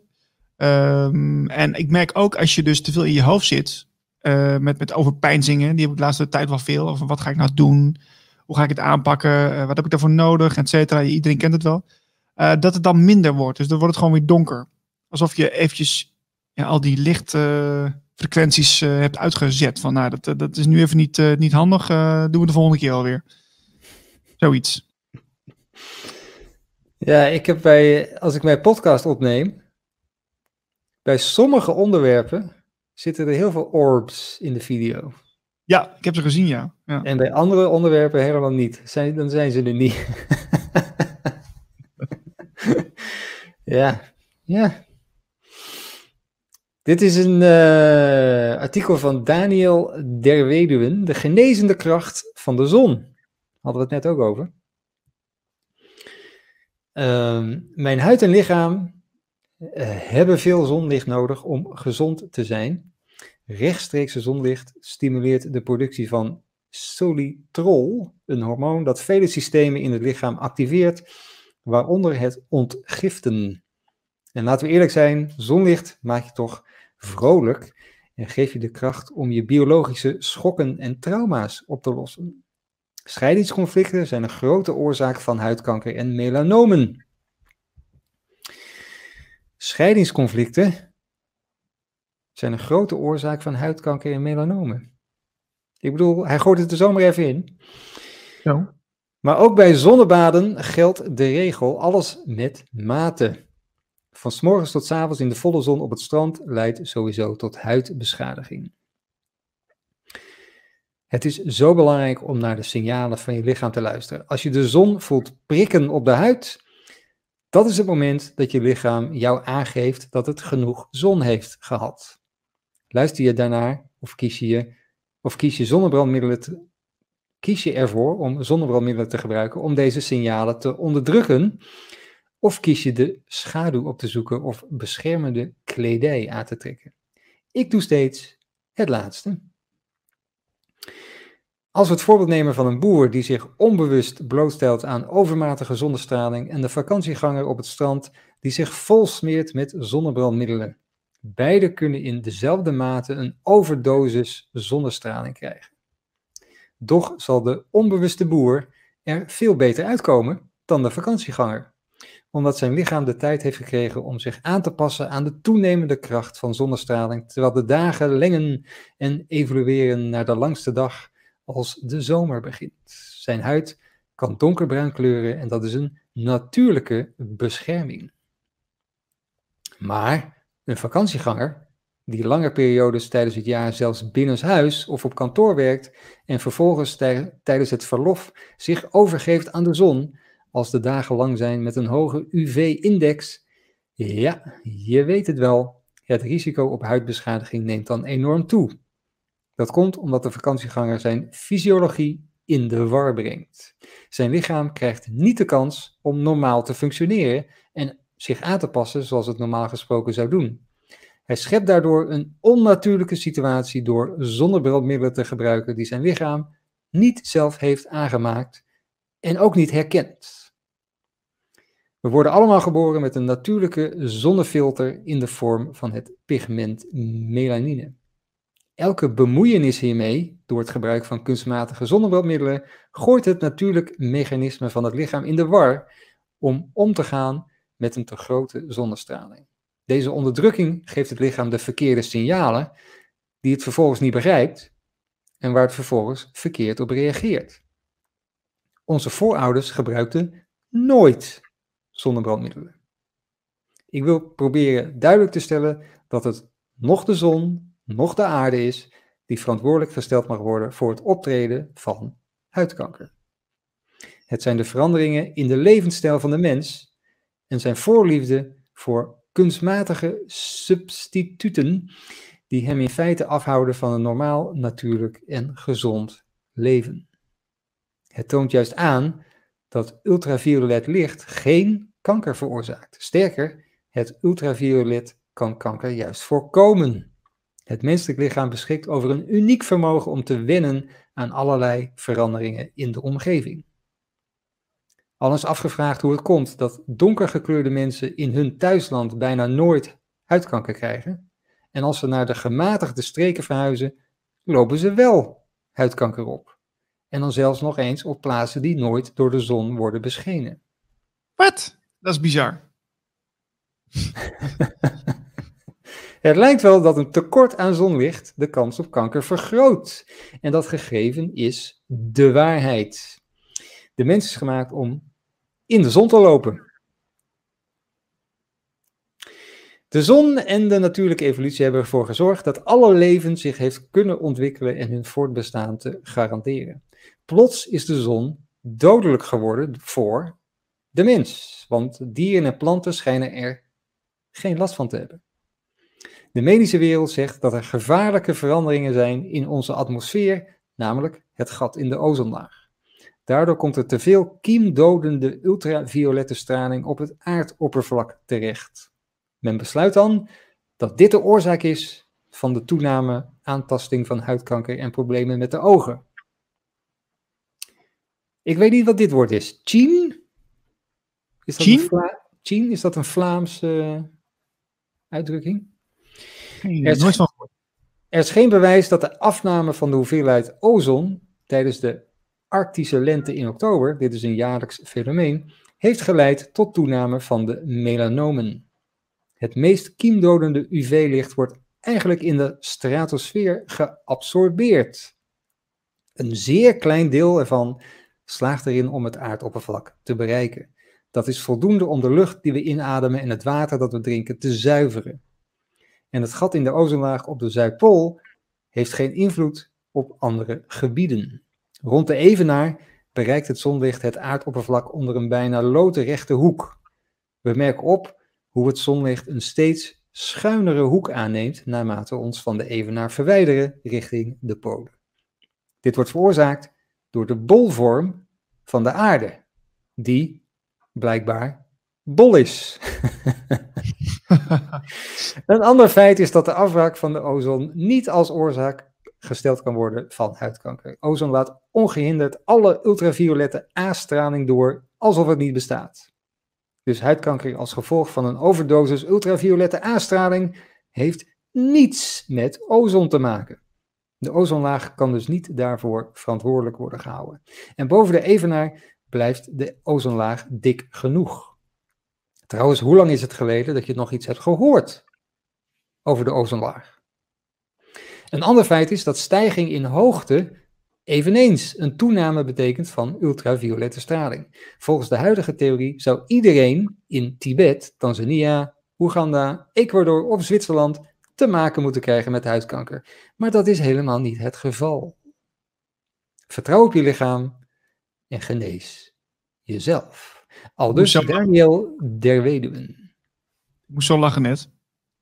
Ja, je, je zei van, uh, hoe, hoe, lang is het geleden dat ze het hadden over de ozonlaag? Dat was ook, dat was ook jaren geleden zo'n hot, zo'n hot item, hè? Weet je nog, in de jaren tachtig, hè? Zure regen, weet je nog?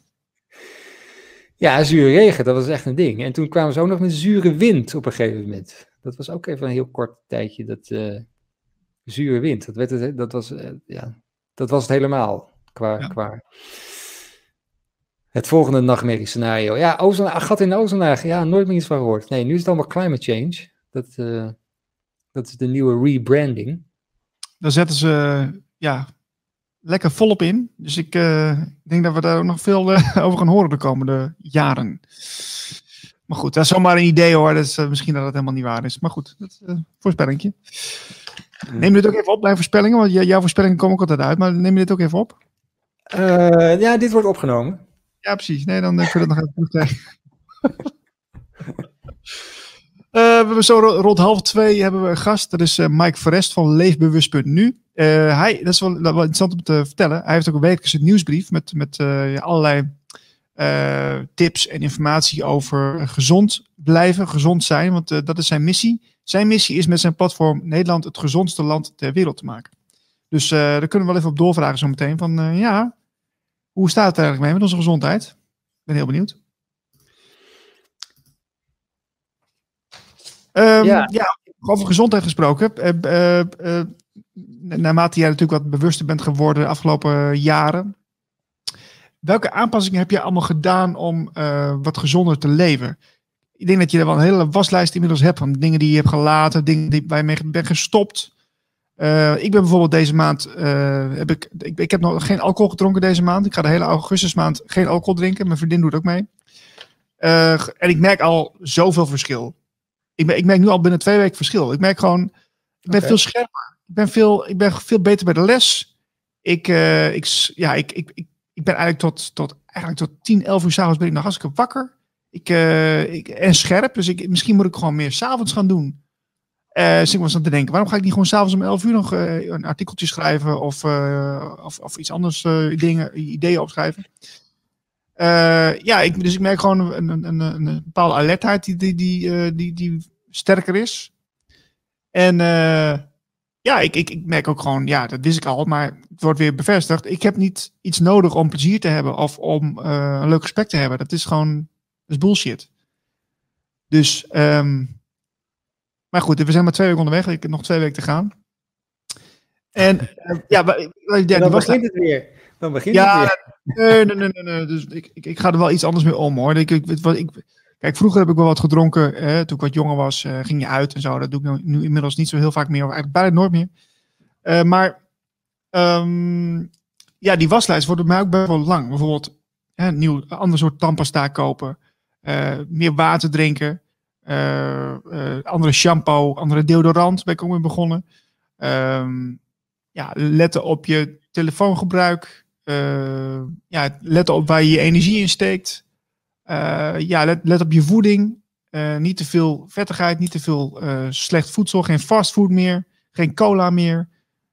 nou, dat soort dingetjes. Ik, ik, je kunt, die, die lijst is nog veel langer. Maar wat, wat, welke, welke van die lijsten, want jij hebt ook wel zo'n lijst volgens mij, welke is bij jou het meest in het oog gesprongen? Dat je, dat je denkt van ja, daar, heb ik echt wel flinke veranderingen mee doorgemaakt. Nou, iets wat ik nog wel doe, waarvan ik denk, uh, dat kan ik beter niet meer doen, maar dat is wel jammer als ik dat niet meer doe. Uh, ik lees altijd voor het slapen gaan. En ik, ik doe dat op mijn telefoon. Dus ik heb uh, van die van die e-books.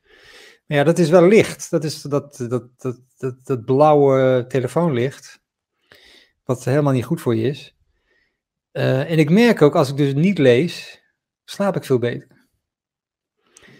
Dus um, dat, is, dat is wel iets wat, wat ik denk ik uh, binnenkort ook uit ga gooien. Dus dan, ja, ik weet nog niet precies hoe. Want het is wel een fijne tijd om te lezen. Maar ja. ja. Ik heb ook ei, heb ik ook eruit gegooid, over voedsel gesproken. Ik heb ei eruit gegooid. Um, wat op een gegeven moment dacht ik van, ja, dit, dit smaakt me gewoon niet zo lekker meer. Er is, er is iets met de eieren. Dat, dat, dat, of niet iets met de eieren, maar iets met mij. Dat, dat, dat, dat matcht niet meer of zo. Dus uh, ik had de eieren eruit gegooid. En een paar maanden later kwam dat fipronil-schandaal. Ah kwam, ja. uh, kwam uit. Dat er met die eieren gerommeld was. Toen dacht ik, nee, zou daar een link, uh, zou, ik dat, zou ik dat gesmaakt hebben? of hè, geproefd hebben. Want eh, er was gewoon iets in de eieren dat ik dacht, nee, dit is niet, uh, dit is niet van mij. is niet van mij. Oké, oké, interessant. Ja. Uh, maar ja, ik heb zo, ik heb elk jaar heb ik er wel iets uitgegooid. En ik ben eerst begonnen met, ja, je, nou, het, het, begon, het begon allemaal met Chinees eten, waar ik een oh. voedselvergiftiging van kreeg. Um, en alles, alles spoot eruit. Dus ik, ik, had, ik had een soort, soort ja, een bruine fontein. Dat is hoe ik het altijd maar omschrijf. Het is een paar dagen dat je gewoon echt niks, niks binnen kan houden. Dat loopt overal uit. En daarna moet je weer rustig beginnen, hè? met lichte, lichte dingen eten en zo. Maar dan heb je dus een paar dagen niks gegeten. En dan is alles wat je eet is lekker. En toen dacht ik, hoe, waarom, blijf ik dit nou niet gewoon doen dan? Want dit is gewoon uh, super. Gewoon lichte, lichte kost, gezond ook. En, uh, uh, dus, dus ik was echt van plan van, oké, ik, ga, ik ga gezond eten vanaf nu. Maar dan kom je erachter dat je helemaal niet zo goed weet wat gezond is. Nee, nou, ik, ik, wil je daar, ik, daar wil ik even over aanhaken. Want ik, ik had dit weekendje had ik ook een, een, een etentje. En toen, ja, daar wordt het echt sowieso zo'n bunker uh, weet je wel. Iedereen gaat, uh, oh, we gaan mogen, pa betaalt, dus we gaan met z'n allen, huppakee, hey, zuipen, vreten. Nou, ik zat erbij. En ik dacht, ja, maar dat wil ik helemaal niet. Want ik, ik, ik, ik, ik, heb gewoon de laatste tijd al vaak meegemaakt. Als je dat volle gevoel wat je hebt, als je heel veel gegeten hebt, is echt heel, fijn, heel onprettig. Heel onprettig. En, en daarnaast, ja, dat, het is, je, je hoeft ja, waarom zou je iedere keer weer zoveel eten? Dat is ook gewoon niet gezond. Je kunt beter tot 80% uh, eten, dat je die 20% overhoudt. En ja, dan, dan, maar dan word je ook ongezellig doorgevonden. Hè? Oh, je eet geen toetje. Oh, oh, oh. Oh, wil je nog wat? Ik zei, nee, ik heb genoeg. Oh, oh, ja, er is nog hoor, er is nog. Ja, dat weet ik wel, maar ik hoef het niet meer. Weet je, dus dan krijg je dat verhaal. Maar dus, ook, dus voor mij komt het uit Japan. Ik heb daar een boekje over gelezen. Um, Ikigai heet het volgens mij. Dat is ook een, een, een soort, uh, is het soort spirituele leer. En daar, daar kwam ook een stukje naar voren dat, uh, dat ze daar in Japan ook vaak uh, bewust tot 80% ja, eten. Dus, dus 80% van je maag inhoud, zeg maar. En dan, dus, dus ze laten bewust een, een, stukje over. En dan, dat is veel gezonder. Dus nou ja, dat was ik eventjes, ter aanvulling wilde ik daar even op inhaken. Nee, maar dat is, wat het net over opvoeding ook. Dat krijgen we ook uh, ingepeperd hè, van jongs af aan. Een vol gevoel, dat is goed. En daarom eten we ook zoveel brood, want dan zit je heel snel vol en dat is goed. Vol zitten is goed, daar worden we mee opgevoed.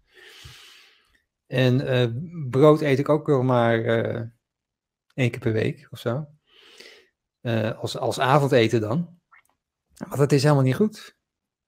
Dat, eh, dat, uh, daar zit niks in. We hadden in de, was dat de jaren tachtig, dat we overal, dat hing op school ook, zo'n poster met de brood, daar zit wat in en zo. Er zit, er zit heel weinig in brood. Melk de witte motor, ken je die nog? Ja, ja. Pindakaas, er is ook nog zo'n eh, campagne voor geweest. Uh, uh, er was die jongen op het schaatsen, weet je nog, die, die, die pindakaas reclame, heel bekend. Ja. Echt groot, grote jongens eten pindakaas of zoiets, weet niet meer. Ja, ja, ja nee, de Elfstedentocht ging hij dan uh, winnen, hè, na zoveel jaar. Dat kwam, oh, ja. door, de pind, kwam al door de pindakaas. Praat, ja. ja. Nee, maar je komt erachter dat, dat je niet weet wat gezond is. Als je, als je die keuze maakt. Dus uh, ik ben het een beetje gaan uitzoeken. Ik dacht ook van, nou ja, sinaasappelsap. Zitten toch sinaasappels in? Dus dat is toch gezond dan? Maar nee, dat is, dat is net zo ongezond als cola. Want dan krijg je gewoon een soort suikerbom, krijg je. En uh, dat is helemaal niet goed. Ook fruit moet, uh, moet je echt met mate door, door de suikers die erin zitten. Ja, want, want eh, laten we zeggen in de jaren 60 werd er heel gehamerd op dat, uh, dat je niet te veel vet moet eten. En later weer werd er weer gehamerd op de suikers. Dat, dat, daar zit er nou een beetje in van, uh, oh, en al die potjes zitten veel suiker. En dat is natuurlijk ook zo, dat is, dat is duidelijk. Maar volgens mij wordt het volgende uh, de nano. Want overal zit ook gewoon nano in, hè? Uh, microscopisch klein. Daar hoor je niemand over. Maar onze Monsanto-vrienden. Ja, kom op zeg. Dit is, uh, je, je, moet je nou nog eten? Ja, alle, alle groente en fruit van 100 jaar. Gewoon de paprika van 100 jaar geleden. Er zat veel meer in dan dat er nu in zit. Het is eh, veel vlakker geworden, zeg maar, qua voedingswaarde en zo. Klopt. Ja. Eh, Mike Fres is nog niet aanwezig, hè? Volgens mij. Eh, nee, nee. V heeft nog een leuke opmerking in de chat. Want we hadden het net over zure wind. Zure wind is als een GroenLinkser een scheetlaat. Ja, ik doe niet aan politiek mensen, dus ik ga me daar niet in mengen. Maar het is een leuk grapje. Daar, moet, daar mogen we toch wel om lachen, toch? Ja, vind ik wel.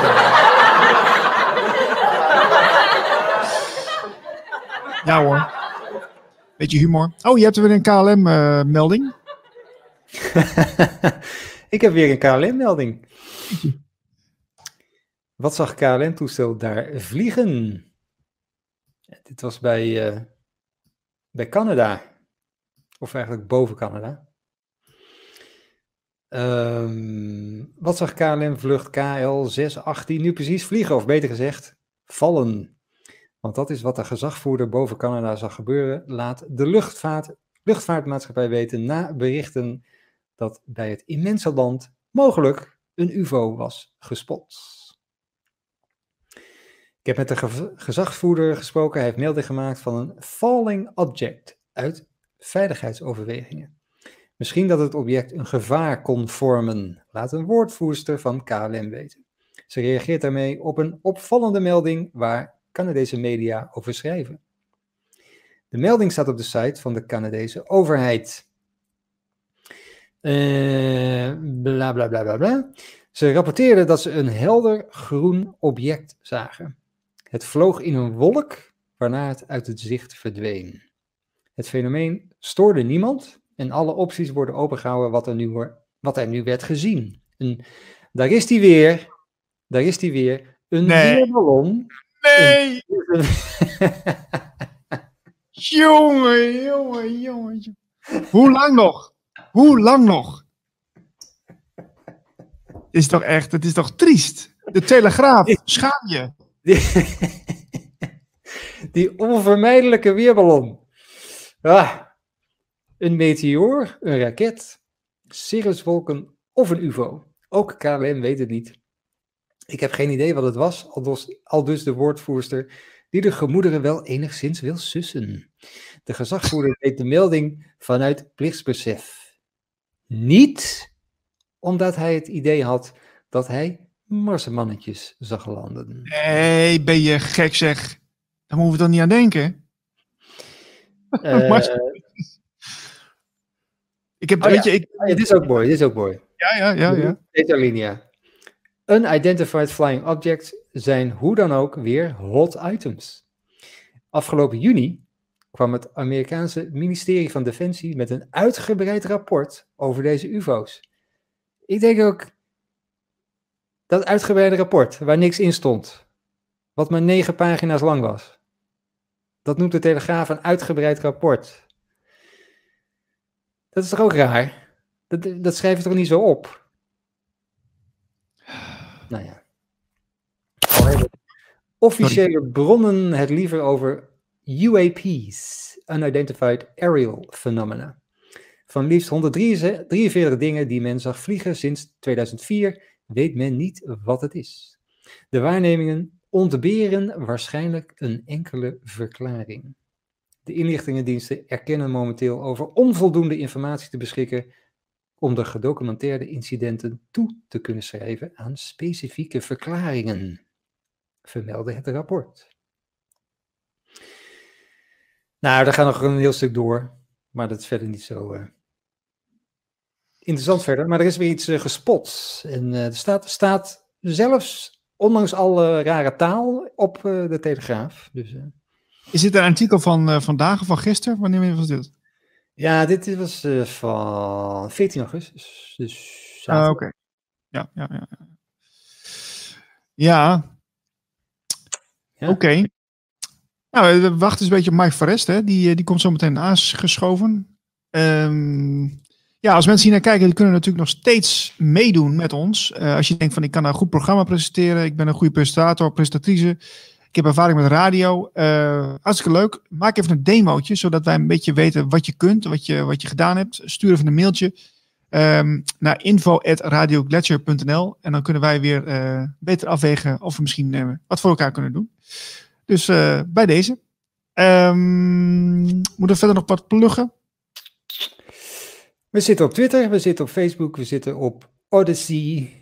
We hebben een eigen website. Ja, wordt uh, trouwens elke, elke, dag bijgehouden door jou. Hoor. Je hebt elke dag uh, schrijf je een artikeltje uh, met, met een fragmentje. En ja, dat is radioglacier.nl voor, voor de laatste updates. Ja, alles wat op YouTube staat, kun je ook rechtstreeks op de, op de site. Daar is alles ook te vinden, dus dan kun je daar alles al bekijken. Ik zie dat de gast in de house is. Kijk, zou zeg. Uh, dan moet ik hem nog even. ja! Ja! Hallo, hallo. Hallo Mike, goedemiddag. Ben ik goed verstaan, maar ik denk het wel, hè? Prima, prima. Perfect, perfect. Leuk. Mike, ik zal je even kort introduceren. Je bent uh, initiatiefnemer van de website leefbewust.nu. En het, kort, komt er in het kort een beetje op neer dat jullie uh, Nederland het gezondste land van de wereld willen maken. ja, we hebben nog wel een lange weg te gaan daarin, maar dat klopt inderdaad. Um, dat is van oorsprong al onze missie om Nederland uh, ja, het gezondste land ter wereld te maken, om mensen echt tools aan te reiken op het gebied van uh, holistische gezondheid. Dus niet alleen voeding, maar ook mindset, meditatie, het verwerken van emoties die vastzitten in het lijf. eigenlijk alles wat omvattend is voor holistische totale gezondheid. Ja, is het, uh, zie jij een, een, een, verschuiving op dit moment uh, in die scene, in de holistische scene van gezondheid? Nou, ik zie wel dat steeds meer mensen uh, zich beginnen te realiseren dat gezondheid toch wel je hoogste goed is. Kijk, voorheen waren mensen ook wel met wat met gezondheid bezig en was het wel opkomende. Maar ja, als je nu ziet met, met, met heel die coronacrisis, zie je wel dat steeds meer mensen in de gaten krijgen van hé, hey, mijn gezondheid, dat, dat, dat, dat heb ik zelf te doen. Dat, dat komt niet vanuit een overheid of vanuit een overheid geallieerde instantie. Nee, daar gaat het helemaal niet om gezondheid. Het begint allemaal bij mezelf. Dus die bewustwording en die groei in bewustwording, die zie ik wel steeds meer uh, ontstaan, ja. Ja, ja. Hoe, uh, wat, wat reiken jullie daar ook uh, programma's voor aan voor mensen om, om daar zelf stapjes, stap voor stap in, in te ondernemen? Hoe werkt dat? Ja, nou ja, we hebben natuurlijk een Facebookpagina en een Telegram, want op Facebook word je nou, vandaag de dag overal gecensureerd. Niet alleen op Facebook trouwens, maar ook Instagram, YouTube. Eigenlijk alle big tech bedrijven zijn enorm aan het censureren. Dus ik moet zelf heel erg met, ja, een beetje met de rem erop informatie delen, wat heel lastig is. Dus om die reden hebben wij ook een Telegram-account opgezet. Want ja, mensen moeten toch ergens aan informatie komen. En um, daarnaast is het zo, want daar delen wij dus gratis content. Maar daarnaast hebben wij nog een uh, Academy, een soort leerschool, online leerschool, waar mensen ja, stap voor stap kunnen gaan bouwen aan een betere gezondheid. En wat ik al zei, ja, dat gaat dus over voeding, maar dat gaat ook over vaste programma's. Dat mensen gaan kijken van, hé, hey, wat ik eet is belangrijk, maar ook periode van niet eten. Misschien nog wel veel belangrijker. Dus vast programma's zitten daarin, uh, mindset, meditatie, grote detox-programma's. En dat is allemaal omvat in een online leeromgeving. En uh, ja, daar hebben we nu inmiddels meer dan duizend uh, volwaardige members in. Dus dat, ja, dat is echt groeiende. Maar ik zie ook wel dat, dat mensen buiten de Academy om steeds bewuster worden van hey, dit, dit, er zijn een aantal stappen die belangrijk zijn als ik voldoende nutriënten binnenkrijg om gezond te blijven. Want zo moeilijk is het allemaal niet deze tijd. Nee, heb, jij, heb jij zicht op uh, wat YouTube en Facebook, wat zij specifiek uh, willen censureren? Nou, ik merk bijvoorbeeld op, op Facebook heel erg op een moment dat het gerelateerd is aan vaccins. Dus het woord vaccins wordt al meteen gescreend. Op het moment dat er iets van Big Pharma in staat, wordt het gescreend. En het is eigenlijk heel raar, want dan denk ik van ja, als je fake news wil aanpakken, pak dan ook iets aan als ik bijvoorbeeld zeg dat, dat blauwe bessen uh, kanker genezen, bij wijze van. Maar daar wordt, daar wordt niet op ingespeeld. Het is op het moment dat, dat er iets kritisch wordt verteld over vaccins of over Big Pharma, dan, dan is het al heel snel een red flag.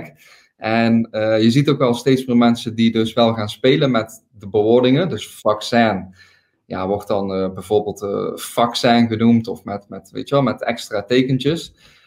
Maar ja, je ziet, dus, je ziet wel dat, dat gewoon de, de screening van Facebook en ook vanuit, vanuit YouTube en Instagram gewoon ja, steeds meer en meer wordt. En dat heeft ook geleid dat steeds meer mensen op, op, ja, op andere platformen uh, aansluiting proberen te vinden. Ja, ja, we hadden het net trouwens even over gezondheid, hoe dat bij ons persoonlijk is gegaan de afgelopen jaren. Uh, dat je toch eigenlijk stapje voor stapje nieuwe keuzes maakt. Hè, wat je wel eet of niet drinkt. Of hè, wat voor soort tandpasta je gebruikt. Of wat, voor soort deodorant je gebruikt. Waar is dat bij jou begonnen jaren geleden? Dat is, ik denk, een jaar of tien geleden bij een documentaire. En, nog steeds als ik hem voorbij zie komen, word ik daar enthousiast van. Um, dat heet Food Matters weet niet of je hem ooit uh, voorbij hebt zien komen. En dat is voor mij het, nou ja, het heeft mij de ogen doen openen van wow, die grote bedrijven, die, die zijn er helemaal niet voor onze eigen gezondheid. Dus de, de farmaceutische bedrijven die vooral gericht zijn op ja, marktontwikkeling. En ook logisch hebben we natuurlijk een, een taak richting een aandeelhouders. Maar de ethiek is, is volledig, ja, is nergens te vinden binnen die bedrijfstak.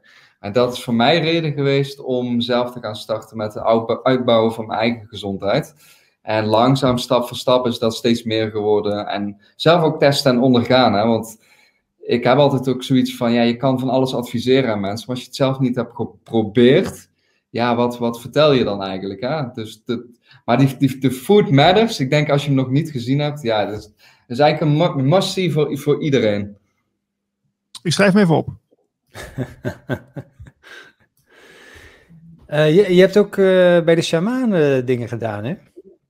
Ja, nou ja, wij zijn vanaf 2015 hebben wij besloten om in Nederland alles op te geven en de wereld rond te gaan reizen. En toen hebben we in 2016, want dat was dus eind 2015 dat die beslissing viel, heel 2016 naar eigenlijk een hoog tempel de wereld over gereisd. Ook op zoek naar eeuwenoude voedingswijsheid, uh, shamanen inderdaad, maar ook uh, net zo'n Wim Hof bijvoorbeeld, of een Mantak Chia. We hebben een week in het donker gezeten. Dus wij hebben echt willen leren van diverse gezondheids- en bewustzijnspioniers overal ter wereld, om die kennis mee te nemen uh, en, en eigenlijk in onze online leeromgeving te stoppen. En ik zeg altijd, er is, geen one size fits all. Vaak is het een combinatie van. En juist door zelf uit te proberen en te kijken wat bij jou past. Op een gegeven moment heb je een soort van toolkit voor jezelf ontwikkeld, waarvan je weet van, nou ja, deze werken voor mij en, en hier kan ik mee aan de slag. En, en vooral dat je het zelf ervaart, hè. Want ja, je kan nog zoveel gezondheidsadvies aannemen, maar als je bijvoorbeeld iets eet en je voelt je niet goed, je voelt je niet lekker, ja, neem dat advies dan ook niet zomaar aan. Ik bedoel, het lichaam is zo intelligent en dat is ook de boodschap die wij steeds weer willen meegeven, is van luister vooral naar je eigen lijf, want ja, the body knows, the body knows best. Ja, is, uh, oh, toen maar, Marlijn. Ja, omdat we hadden, vorige week hadden we een uh, astroloog in de uitzending. En we hadden het over ayahuasca even. Oh ja. En die, zei van, uh, ja, dan sta je helemaal open. En dan ben je in een groep en zo. En al die mensen staan open. Dus dan kun je die energieën van anderen, zeg maar, oppikken in je eigen, in je eigen veld. Zeg maar. Ja, ja. Heb je daar ervaring mee? Ja, wij hebben twee keer uh, ayahuasca. Ja, ayahuasca is zo ontzettend intens. Dus dat, ja, dat is ook niet iets wat je voor je lol gaat doen, zeg maar. Dat, dat, dat, ja, dat is zo'n diepe reis in jezelf. En het vraagt ook om een bepaalde overgave. Want je kan een reis ingaan en denken van, nou, dat ga ik doen. Maar het vraagt echt om overgave. Om, om alles los te laten van wie je denkt te zijn. Of, of de verhalen die je zelf voorhoudt. En ja, als je dan in zo'n groep zit, ja, dan pik je inderdaad wel energie op, want je staat dus open. En ik kan me herinneren, dat was in, uh, in de Boliviaanse jungle, hebben wij een, uh, een ceremonie ondergaan van de, de Santo Diamond. Dat is ook weer een stroming binnen de ayahuasca. Maar dat is echt hardcore. Dus dan ga je echt op van die houten pallets zitten. En, en je bent verplicht om, om vijf keer te drinken. En je moet rechtop blijven zitten. Nou, je zit dan in zo'n jungle, overal muggen om je heen en toestanden. Maar ik kan me dus wel herinneren dat, dat, dat je in de energie op andere lagen heel erg verbonden bent met de mensen om je heen. En ja, het is heel moeilijk om in woorden uit te drukken wat dat dan is. Maar dat is een soort intuïtief gewaarzijn van waar andere mensen op dat moment ook kunnen zitten. En het is natuurlijk een hele persoonlijke, individuele reis. Maar er zijn inderdaad momenten dat je, ja, dat je voelt dat er een bepaalde resonantie of klik is, inderdaad. Ja, precies. Ik, eh, ik heb uh, de laatste tijd veel gesprekken met mijn vriendin over voeding. En uh, kijk, iedereen, is natuurlijk, iedereen zit in zijn eigen proces hè, als het gaat over spiritualiteit of, of alles wat daarmee samenhangt. Maar zie jij vaak dat als je uh, je met, met, voeding bezig gaat, dat dat vaak de eerste katalysator is eigenlijk om een klein beetje met spiritualiteit bezig te gaan. ja, zeker. Zeker. Dat is ook de reden waarom wij juist in, in, op een gegeven moment zoiets hadden van, nou, we moeten ons veel meer gaan richten aan de buitenkant op voeding. Want wij begonnen dus in 2012 alweer, toen zijn wij leefbewust gestart, met uh, bewustzijn, meditatie, uh, mindfulness. En ook voeding zat er natuurlijk in. Maar voor mensen was het heel moeilijk te pakken van waar start ik nou op mijn reis. Toen hadden we zoiets van, nou nee, we moeten duidelijkheid gaan scheppen van uh, eenvoud. Dus voeding aan de eerste plaats aan de voorkant. En dat zorgde dus ook voor dat mensen op het moment dat ze gezonder gaan eten, dat dat weer deuren opent op ja, mentaal vlak, emotioneel vlak. Dus zeker, zeker is dat, wat tenminste onze ervaring, dat voeding een ja, eigenlijk een, een perfecte ingang is om holistisch uh, gezonder te worden. Om, om dan vooral met voeding te gaan starten, inderdaad. Zeker. Ja. Oké. Okay. Alright. Um, ja, want uh, ja, ik zit even te denken, want uh, heb jij zelf ook de, de, veel spirituele ervaringen gehad na die ayahuasca-sessie? Ja, ik vind dat moeilijk. Wat is een, wat is een spirituele ervaring? Hè? Um, mijn inziens is alles een, een soort van spirituele ervaring. Maar de, de, de ervaring van spiritualiteit is denk ik het inzicht op het moment dat je, dat je ziet, de, de schoonheid ziet van, van wat er om je heen is. En het heeft wel voor mij zeker een verdieping gebracht. Dat ik echt momenten kan hebben, zeker als ik in de natuur ben. Echt gewoon in awe kan zijn van wow, wat er, wat er om me heen vliegt. Een soort van totale staat van ultieme bewustzijn. Dat je je verbonden voelt met alles om je heen. Met, met de vogels, met de geluiden, met, met de wind die je voelt. Dus ja, het heeft bij mij zeker iets geopend, ja. Het heeft zeker een deurtje geopend. Absoluut. Ik denk altijd, als je dus... Uh, het, is, het is aan de ene kant, als je spiritueel wil worden, zeg maar... Uh, dan kan dat niet via het eten dat je heel erg eh, gezond gaat eten. Maar andersom gaat het wel. Dus, dus je wordt spiritueel, dus dan ga je eigenlijk automatisch ook gezonder eten. Ja ik, ja, ik denk dat het een, sowieso een wisselwerking is. Want als je gezonder gaat eten en je, je gaat ontgiften, dan je pijnappelklier ontgift. Dat stelt je ook weer in staat om meer diepere spirituele ervaringen te hebben. Uh, als je vol, vol, je cellen vol zitten met gifstoffen, ja, dan, dan is je lichaam ook in een staat van overleving constant. Dan kun je ook niet verwachten dat je een, een bepaald beroep kunt doen op, ja, op je hogere zelf of op het universum of God of hoe je dat ook wil noemen. Maar iets meer dan jouw kleine ikje als je lichaam constant in, in overlevingsstand zit. Dus, dus ja, onze ervaring is het wel. Als mensen gaan ontgiften, want daar begint het vaak bij want je kan gezonder gaan eten, maar als je cellen vol zitten met gifstoffen, ja, dan kan, kunnen er geen voedingsstoffen de cellen in. Dus wij beginnen ook altijd ook met onze levenbewust lifestyle. Dat mensen starten met een ontgifting en dan een gezondere voeding. Dan gaan mensen zich beter voelen. En dan hebben ze zoiets van, oh, weet je, maar ik ervaar bijvoorbeeld ook wel heel veel stress in mijn leven. En in hoeverre komt dat ten goede van mijn gezondheid? Want ik kan, kan wel heel picky zijn op wat je wel en niet eet. Maar als je daar heel veel stress bij ervaart, ja, ik zeg altijd, je bent zo gezond als je voedingsstoffen kunt opnemen. En als jij constant stress ervaart, ja, dan staat je lijf in constante uh, vecht- en vluchtmodus, dus het sympathisch zenuwstelsel. En dan investeert het lijf niet in vertering. En als het lijf niet investeert in vertering, neemt het geen voedingsstoffen op. Dus als jij heel veel stress ervaart, maar je eet heel gezond, dan ben, je, dan ben je nog niet gezond, want je eet eigenlijk niet gezond omdat het niet wordt opgenomen. Dus dat is het bijzondere van het lijf. Ja, dat ontgiften, hè? want ik kan me zo voorstellen dat het voor iedereen weer uh, specifiek is van wat, wat, wat hij daarin moet doen. Klopt dat ook? Nou ja, het, een beetje de, de, de, de paradox, want wij, wat wij ook eh, verkondigen, kijk, je hebt, je hebt het plantenrijk en je hebt het dierenrijk. En dat blijft een eeuwige, eeuwige discussie van hoe moeten we eten? Moeten we volledig vegan eten? Moeten we volledig carnivore eten? Want er zijn groepen, echt grote groepen carnivore diets. Dus mensen die hardcore, dus alleen maar vlees eten en daar genezen van allerlei ziekten. Maar je hebt ook Oh. mensen die, die volledig eh, eh, vegan eten, dus alleen nog maar plantaardig voedsel en volledig genezen van allerlei ziekten. En dan rijst de vraag van, ja, hoe kan dat nou? Op, op beide kanten van het spectrum.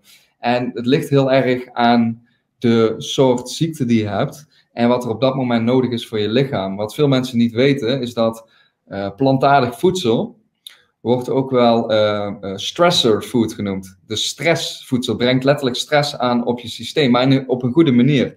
Net als kurkuma, als je kurkuma neemt, dat brengt lichte stress aan op je immuunsysteem en daardoor komt het sterker terug. Hetzelfde wanneer je in de sportschool gaat trainen, ja, een dag later heb je pijn, maar je, je spieren komen sterker terug.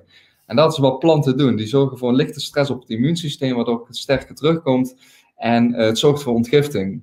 Terwijl dierlijk voedsel aan de andere kant van het spectrum ervoor zorgt dat zeker de vetoplosbare vitamine A, D, E en K zorgen ervoor dat cellen beter met elkaar kunnen communiceren, dat hormonen worden aangemaakt.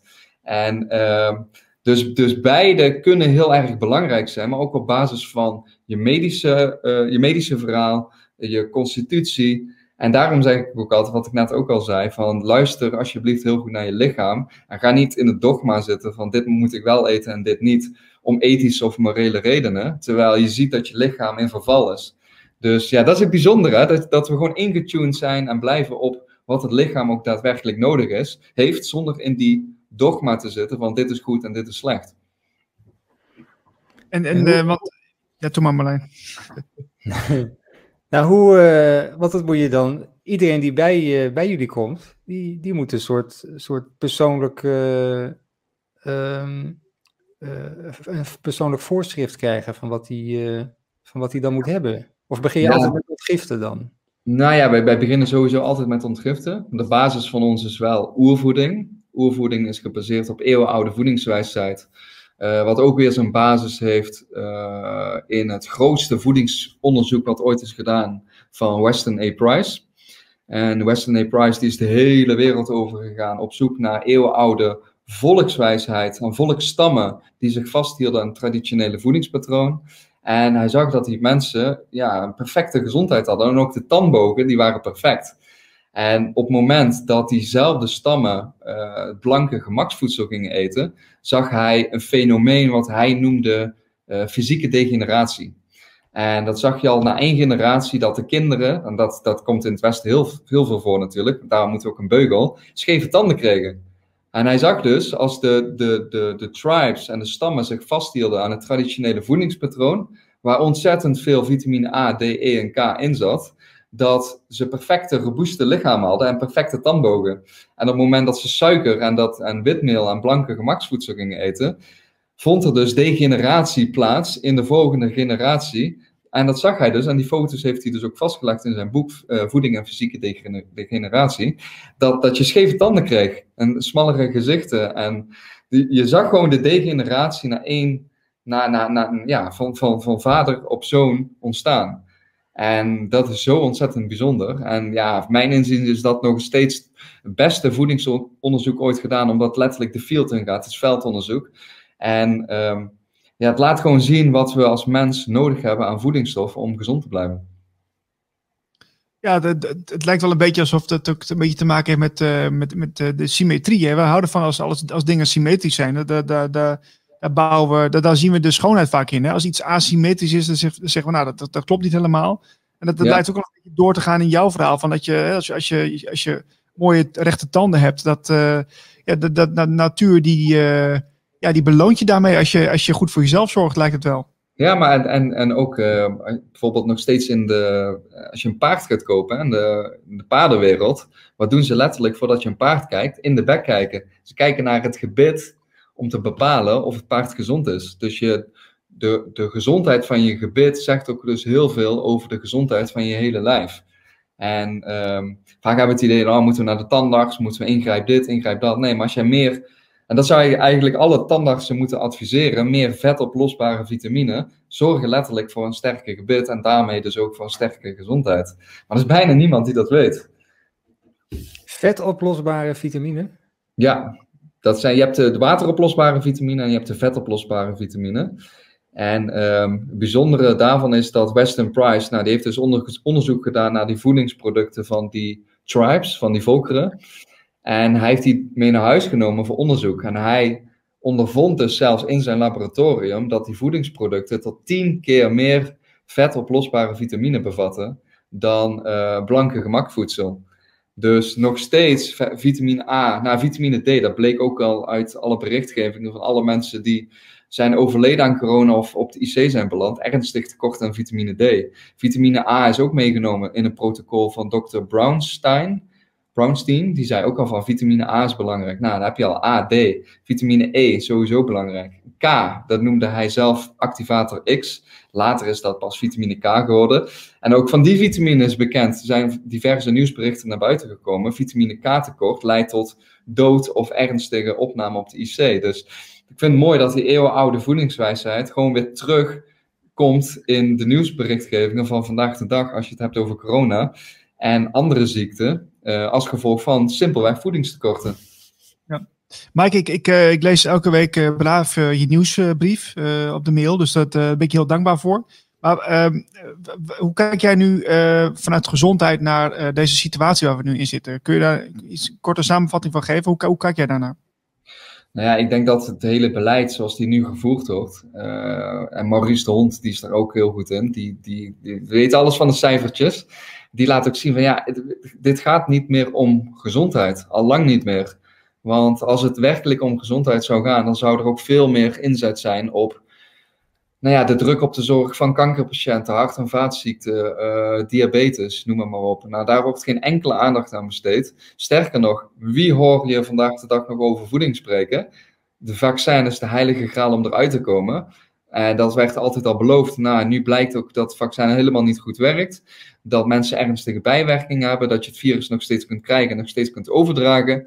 En er is niemand, niemand die zegt van hé, hey, misschien moeten we wel een andere weg inslaan. Misschien moeten we mensen wel voorzien van voldoende voedingsstoffen. Gaan we als overheid in plaats van het vaccin gratis vitamine D voorschrijven? Nou, dat zou een heel ander effect geven, zeker in de wintermaanden, want iedereen heeft dan een chronisch tekort aan vitamine D, dan wat we nu zien met het constante gepush voor het vaccin. Maar ja, weet je, vitamine D, dat levert maar beperkt geld op. En er zit zo'n grote macht achter die industrie. En ja, laatst kwam het al bericht naar buiten van uh, Pfizer, wat iets van 10 miljard of 20 miljard al een winst maakt. Nou, 80, 90 procent van hun omzet draait nu om die vaccins. Ja. Nou ja, denk maar, als bedrijf wil je dat niet opgeven. Dat wil je elk jaar herhalen. Want uh, aandeelhouders die staan al uh, in de rij te klappen zo van uh, hartstikke mooi, ga door. Dus ja, het is te bizar voor woorden. Ik, ik hoorde laatst ook iemand zeggen, die zei van, ja, de, de, we, we, hebben het altijd over een griepseizoen, hè? maar we moeten het eigenlijk meer van, van, van bovenaf bekijken. Want je ziet dus ook dat in, in, in de wintermaanden heb je natuurlijk veel minder zon. Uh, dus dat betekent ook dus dat, en doordat er minder zon is, heb je minder vitamine D. Maar er zijn ook meer andere oorzaken natuurlijk. Maar dat zorgt er ook voor dat mensen dus eigenlijk gewoon uh, minder uh, ja, sterk zijn. Of, ja, minder ja, beschermd zijn te tegen. Nou ja, je kunt het over virus hebben, maar je kunt het gewoon in, in, in zijn algemeenheid gewoon trekken. Mensen zijn gewoon kwetsbaarder in die, in die periodes. Dus ja, dan kun, ja. je kunt wel een griepseizoen als, als, als, als verklaring geven. Maar misschien is het ook gewoon, gewoon iets wat in, meer in de menselijke natuur zit. Dat we daar gewoon eventjes instabiel zijn. Weet je wel? Hoe, hoe zie jij dat? Ja, het is, het is natuurlijk een. Je hebt de seizoensinvloeden. Dus op het moment dat het winter wordt, ja, mensen gaan meer naar binnen. Dus zijn ook niet minder in de openlucht. En het is al gebleken dus, en daar wordt ook nog steeds niks mee gedaan, dat ventilatie ontzettend belangrijk is. En, uh, en dus ook voedingstekorten. Dus wanneer jij de zon niet meer op je huid krijgt, ja, dan is het gewoon heel belangrijk om een vitamine D-supplement binnen te krijgen. En, ze zei, en een vitamine D-supplement nou, is een van de goedkoopste supplementen die er zijn. Maar uh, het advies, advies blijft uit. Terwijl we inderdaad weten, ja, de seizoensinvloeden zijn groot. Straks, als de herfst aanstaande is, dan zul je zien dat de druk op de zorg weer uh, toeneemt. En dat we gewoon weer in een lockdown komen. Lijkt wel of we de anderhalf jaar niks geleerd hebben. En ook niet willen leren. En volop blijven inzetten op maatregelen die keer op keer, uh, waarvan is bewezen dat ze niet werken. Alsof we in zo'n soort tunnelvisie zitten van, nou, dit is de manier waarop we het doen en niet anders. Want zo hebben we het altijd gedaan en zo blijven we het doen. Ja, ja. ja die supplementen, dat is natuurlijk leuk. Uh, maar dat is meer toch ook een uh, oplossing voor, voor een probleem van uh, zeg maar hoe we in het Westen leven. Dus we hadden net een artikeltje waarin stond. Ehm, ja, we, we, zijn ervoor gemaakt als mens om gewoon in de zon te lopen. Ja. Dat heb ik al lang. Dus we kunnen wel supplementen maken, omdat we dan op kantoor kunnen blijven zitten. Maar moeten we niet veel meer terug naar een ander soort maatschappij? Nou ja, we moeten sowieso in de, in de zomermaanden. Kijk, het probleem is ook dat we in de wintermaanden simpelweg geen vitamine D kunnen opdoen vanuit de zon, omdat de zon te laag staat ten opzichte van atmosfeer om UVB-licht door te laten. En UVB-licht uh, stelt het lichaam in staat om vitamine D aan te maken. Dus natuurlijk in de zomermaanden zouden we veel meer naar buiten moeten. En niet bang, en zeker niet insmeren. Want juist het insmeren met toxische stoffen zorgt ervoor dat we huidkanker ontwikkelen. Dat is het hele probleem. Ik had laatst een, gewoon een hele discussie met mijn vriendin. Ik zei, je moet je niet insmeren. Ja, wel, zegt ze. Kijk. Nee. Opnemen, nee. Berlijn, opnemen dit fragment.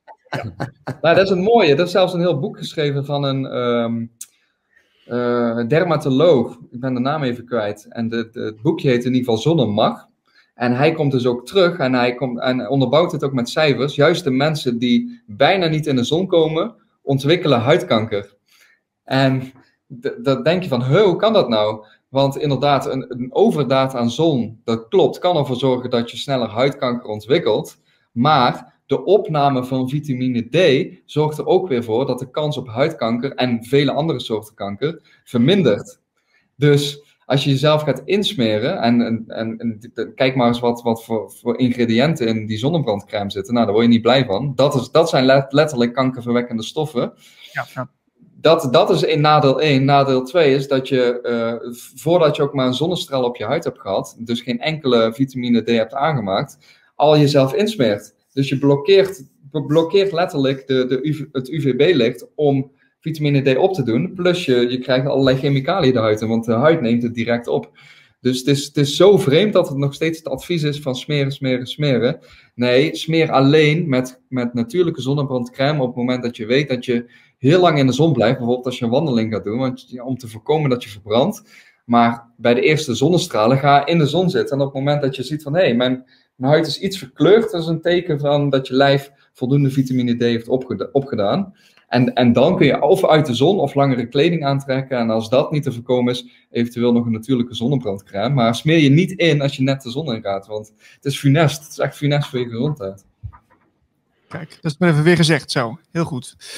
Um, we zijn er nou doorheen. Uh, heb, jij, heb jij nog um, het doel ook om de kinderen en basisscholen te bereiken? Of uh, wat daar, daar begint het eigenlijk een beetje? Nou ja, niet direct, maar wel vanuit de ouders. Dus vanuit de ouders om die inspiratie mee te nemen. En op, dat het op die manier de kinderen bereikt. Um, het is ook een lastige doelgroep voor ons, waarvan wij niet precies weten hoe we die moeten bereiken. Um, maar ik weet ook wel dat er heel veel initiatieven zijn die daar wel op gefocust zijn. Want daar begint het, wat je al zegt, daar begint het natuurlijk bij. En zeker met de propaganda en de social distancing en de mondkapjes, et cetera, et cetera. Ja, die, die groeien nu op in een wereld waarbij ze dat over 10, 15, 20 jaar heel normaal gaan vinden. Dus, en dat is denk ik het grootste probleem van deze tijd, dat je op dit moment nog heel veel kritische mensen hebt.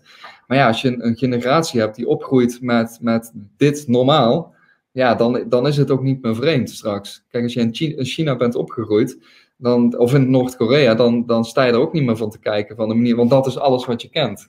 Dus ik denk wel dat het goed is dat er zeker initiatieven zijn om kinderen daarin uh, ja, en wakker te maken en bij te scholen van hey, leer ook kritisch denken. En onderzoek, neem niet alles voor waarheid aan. Dus zeker een hele, hele belangrijke doelgroep, ja. ja. Mike, fantastisch wat je, wat je doet. Uh, leefbewust.nu. Uh, zorg dat je de nieuwsbrief uh, van, van Mike leest wekelijks. En, en Facebook zit je ook op, hè? Nog wel. Dan gaan we door tot het bittere einde. Super. Um, ja, we gaan afsluiten. Mike, dank voor je komst. Ehm, we zijn er morgen weer vanaf 12 uur, van 12 tot 2, Radio Gletscher. Met weer een nieuwe gast. En uh, natuurlijk onze vaste items. En uh, ik wens iedereen nog een hele fijne dag. Tot morgen. Bye bye. Tot morgen.